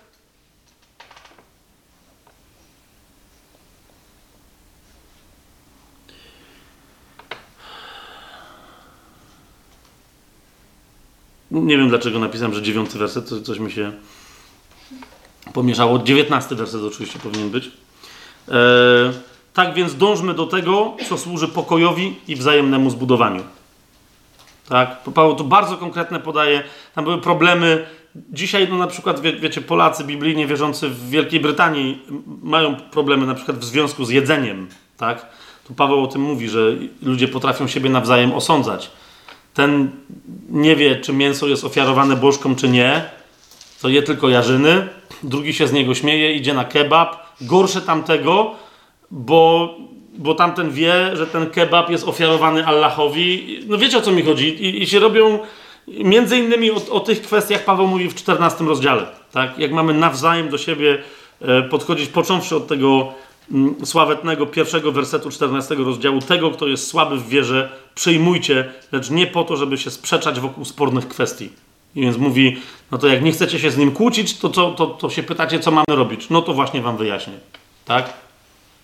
To właśnie Wam wyjaśnię. No i, i, właśnie konkluzja tego wszystkiego to jest 15 rozdział, e, te 14, tych 14 mm, pierwszych wersetów, 14 e, pierwszych wersetów 15 rozdziału, począwszy od my, którzy jesteśmy mocni, powinniśmy znosić słabości słabych. E, to się tyczy, to się tyczy, pamiętajcie kontekst, jaki tu jest ten najbliższy, to się tyczy słabości słabych sióstr i braci w, w wierze, nie kogokolwiek tam innego na świecie. I tu się kończy e, cała ta historia, nazwijmy to doktrynalna i praktyczne jej przełożenie. Potem zakończenie ma też trzy punkty.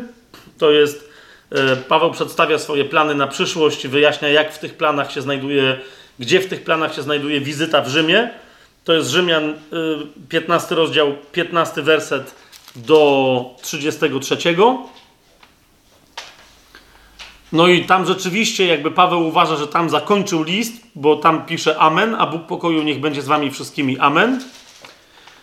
Ale potem mamy jeszcze szesnasty mm, y, y, rozdział, to są pozdrowienia. Więc podpunkt B zakończenia to są pozdrowienia. To jest szesnasty rozdział od wersetu pierwszego do dwudziestego czwartego. I znowu pozdrowienia Paweł zamyka drugi raz zakrzykniętym Amen. W 24 wersecie łaska naszego Pana Jezusa Chrystusa niech będzie z wami wszystkimi. Amen. I później mamy podpunkt C i to jest właściwe zakończenie listu. To jest uwielbienie końcowe. Dlaczego nie błogosławienie? No jeżeli błogosławieństwo to jest błogosławienie Boga, tak? Dlaczego nazywam to uwielbieniem końcowym? No bo zobaczcie 25, 26 i 27 werset. Yy, to jest, czyli, czyli uwielbienie końcowe to jest 16 rozdział 25 do 27. Zobaczcie, kto jest adresatem tych ostatnich, y, tego ostatniego wyznania? Bóg. A temu, który was może utwierdzić według mojej Ewangelii i głoszenia Jezusa Chrystusa, według objawienia tajemnicy od wieków okrytej milczeniem, lecz teraz objawionej i przez pisma proroków, według postanowienia wiecznego Boga oznajmionej wszystkim narodom, by przywieźć je do posłuszeństwa wierze, jeszcze raz, temu, Jedynemu, mądremu Bogu niech będzie chwała przez Jezusa Chrystusa na wieki. I po raz trzeci jest Amen. Jest to uwielbienie? Jest to uwielbienie. Troszeczkę Paweł się rozwija jako, jak to on, ale nie bez przyczyny. Natomiast to jest uwielbienie, to nie jest błogosławienie Rzymian, to jest, to jest oddanie chwały Bogu. Tak wygląda list do Rzymian z lotu ptaka. Eee, czy widzicie już, jak nawet w tym szerokim zarysie, jak genialne jest to dzieło. Teraz w następnym, może jeszcze następnym, zobaczymy, nigdzie się nie spieszymy.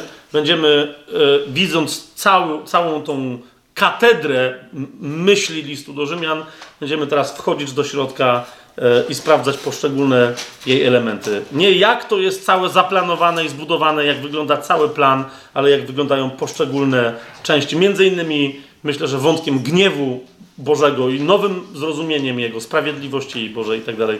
Szczególnie się zajmiemy, żeby pokazać parę interesujących e, wątków, na które może e, przy normalnej lekturze byśmy nie wpadli. Amen? Serdeczne dzięki. Do następnego.